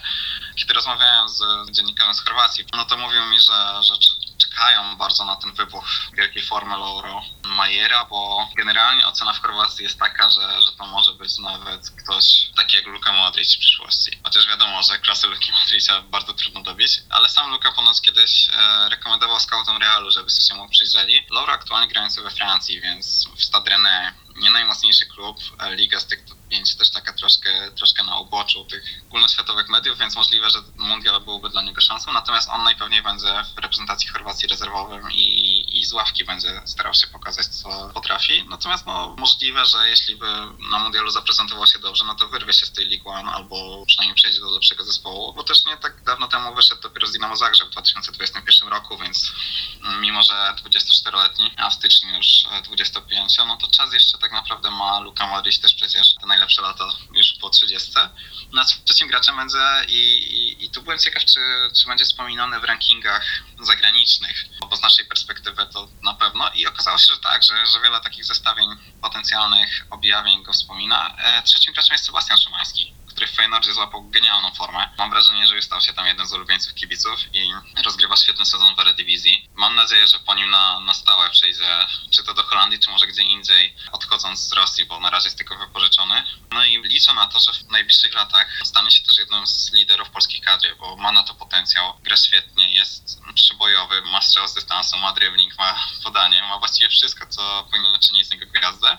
I też może się okazać, że te Mistrzostwa Świata będą dla niego trampoliną do jakiegoś całkiem przyjemnego transferu. Nie wpycham go oczywiście od razu, nie wiem, do czołowych klubów z Anglii chociażby, bo na razie całkiem fajnie się rozwija ta jego kariera tak krok po kroku, spokojnie i to byłby, byłoby dobrze, gdyby tak dalej było, więc może choćby jeśli zostanie w Holandii, może zainteresowałby się na przykład Ajax. Sebastian Szymański, tak jak e, wspominałeś, również w ostatnich tygodniach e, znakomicie gra w Eredivisie i muszę też powiedzieć, że mnie osobiście ten wybór e, twój zaskoczył, bo ja w sumie nie myślałem o Szymańskim w kategoriach takiego objawienia, ale jest to bardzo ciekawy wybór i też z pewnością będę również pod tym kątem właśnie patrzył na grę naszego e, zawodnika.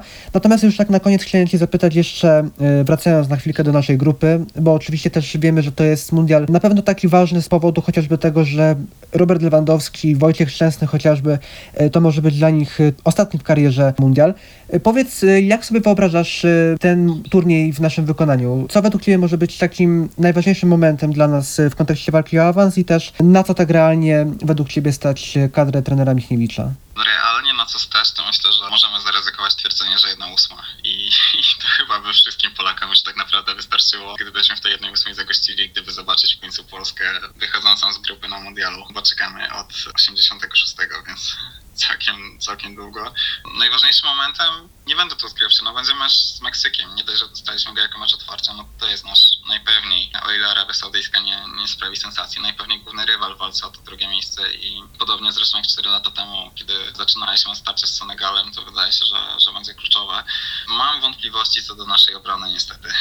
Te wątpliwości będą się mnożyć, bo nie są nasi obrońcy najbardziej zwrotnymi, nie są najszybszymi, nie grają też w klubach niestety w ostatnim czasie zbyt dużo, jak choćby Jan Bednarek i tu te wątpliwości będą się mnożyć, natomiast na przykład boki obrony być może okażą się naszym atutem, jeśli Matikasz sobie na prawej stronie na przykład poszaleje. Mam wielką nadzieję, że Piotr Zieliński formę z klubu zdoła przekuć na formę reprezentacji, bo gra genialny sezon Napoli, jest jednym z liderów tej ekipy, która no, roznosi Serie A na razie, więc tutaj liczę na to, że tak się stanie. Meksyk z kolei ma pewną wyrobioną markę, to na pewno. Jest stosunkowo silną reprezentacją, mimo że wielu piłkarzy tam gra w ichniejszej lidze albo gdzieś w okolicy i, i może nie widać tego tak bardzo z perspektywy Europy. Natomiast w ostatnim roku to nie jest drużyna, która grałaby jakiś wybitny futbol. To jest ekipa, której mówiło się nawet o możliwej zmianie selekcjonera jeszcze kilka miesięcy temu. Więc na pewno biorąc pod uwagę te problemy zespołu do pokonania I liczę tu na to, co często powtarza się, że jest głównym atutem Czesława Michniewicza, że on potrafi przygotować reprezentację, czy też zespół jakikolwiek ich prowadził, pod konkretnego rywala. I mam nadzieję, że uda mu się to z Meksykiem, tak jak udało się na przykład ze Szwecją. Oczywiście pewnie będzie potrzebne trochę szczęścia. Miejmy nadzieję, że Wojtek Szczęsny w końcu na którymś tym dużym turnieju będzie miał taką najlepszą formę i nie zaliczy żadnej wpadki, bo to niestety zdarzało mu się często. Miejmy też nadzieję, że, że właśnie Zieliński, że właśnie Lewandowski e, też zaprezentują się świetnie. No i co? Mam nadzieję, że, że z tym Meksykiem uda się urwać chociaż punkt, potem wygrać z Arabią Saudyjską i, i powalczyć o ten awans. No wiadomo, terminarz ułożył się nam całkiem dobrze, bo ta Argentyna na końcu myślę, że nam sprzyja. Możliwe, że Argentyńczycy będą już pewni awansu, że troszkę wpuszczą, że może nawet na boisko nie wyjdzie Leo Messi, bo, warto oszczędzać takiego piłkarza. Więc pod tym względem patrząc, to, to mamy troszkę szczęścia. Natomiast nie możemy sobie pozwolić, na przykład gdybyśmy wygrali nawet z Meksykiem, nie możemy sobie pozwolić na rozluźnienie, bo ta Arabia Saudyjska wcale nie musi być tak łatwą ekipą, jak się mówi. I selekcjoner jest świetnym trenerem i potrafi ustawić swoje zespoły, też wielokrotnie w karierze udowadniał potrafi zrobić z nich dużo lepsze ekipy niż wydawałoby się na papierze, więc trzeba będzie uważać. Mam wrażenie, że ta walka drugie miejsce w grupie może być wyrównana. Wierzę w tę jedną ósmą, chociaż też to jest chyba pierwszy mundial. W ogóle pierwszy duży turniej naszej kadry, przed którym nie jestem rozdemocjonowany z nadziejami wielkimi na to, że faktycznie wyjdziemy. Raczej poczekam po prostu na to, co się stanie. Zobaczymy więc, czy ten turniej będzie zakończony dla nas takim happy endem w postaci dobrego wyniku i czy ten turniej po prostu będzie dla naszej kadry udany. Dziękuję Ci bardzo. Naszym gościem w audycji Przystanek Mundial był e, Sebastian Warzecha z Weszło.com. Jeszcze raz wielkie dzięki Sebastian. Dzięki wielkie. Miło było wrócić do UEDFM. Cała przyjemność po naszej stronie i też wielkie dzięki, że znalazłeś dla nas czas i że e, mogliśmy razem porozmawiać. Jeszcze raz wielkie dzięki. Natomiast e, z Wami, drodzy słuchacze, jeszcze usłyszę się w ostatnim wejściu, w którym omówimy sobie takie najważniejsze wydarzenia, które czekają nas w fazie grupowej, a także przedstawimy sobie pokrótce terminarz fazy pucharowej. Tak więc koniecznie bądźcie z nami. Wracamy do Was za chwilę. Moi drodzy, w audycji Przystanek Mundial omówiliśmy już wszystkie grupy tegorocznego turnieju, za nami również rozmowy z ekspertami, dlatego teraz czas, aby podsumować najważniejsze informacje dotyczące tegorocznego mundialu i wskazać najważniejsze wydarzenia, które czekają nas w najbliższych tygodniach. Niedziela 20 listopada, godzina 17 polskiego czasu. Właśnie wtedy odbędzie się mecz otwarcia, a więc pierwszy mecz tegorocznego turnieju. Mecz grupy A pomiędzy reprezentacjami Kataru i Ekwadoru. Kolejne spotkania fazy grupowej rozpoczną się dzień później. W pierwszej oraz drugiej kolejce fazy grupowej spotkania będą odbywały się o 11, 14, 17 oraz 20 polskiego czasu.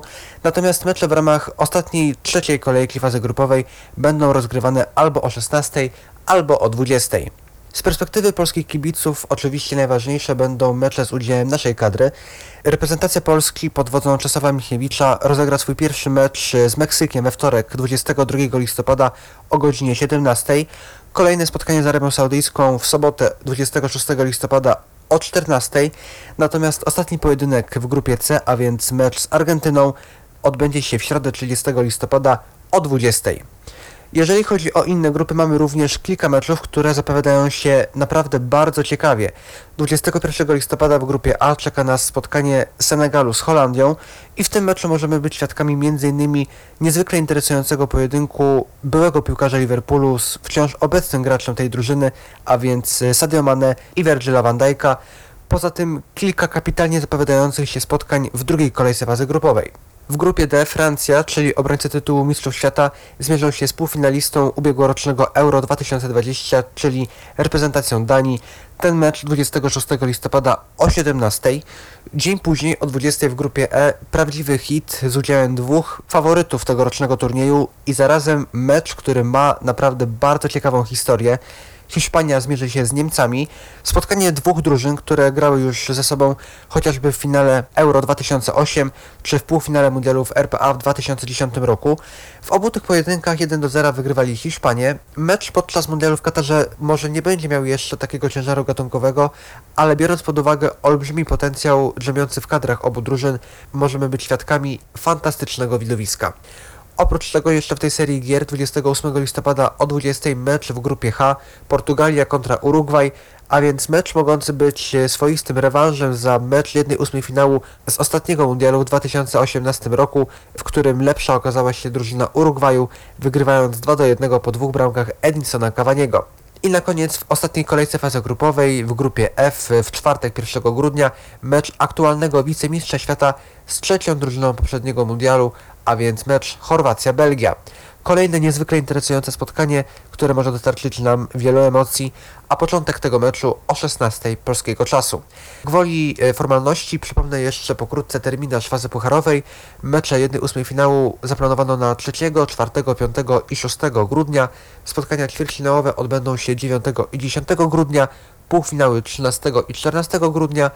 Drużyny, które przegrają w swoim półfinale zagrają o trzecie miejsce 17 grudnia o godzinie 16 polskiego czasu, natomiast zwycięzcy meczów półfinałowych zagrają o tytuł Mistrzów Świata dzień później, a więc 18 grudnia w niedzielę, również o godzinie 16 na stadionie Lusail Stadium w mieście Lusail.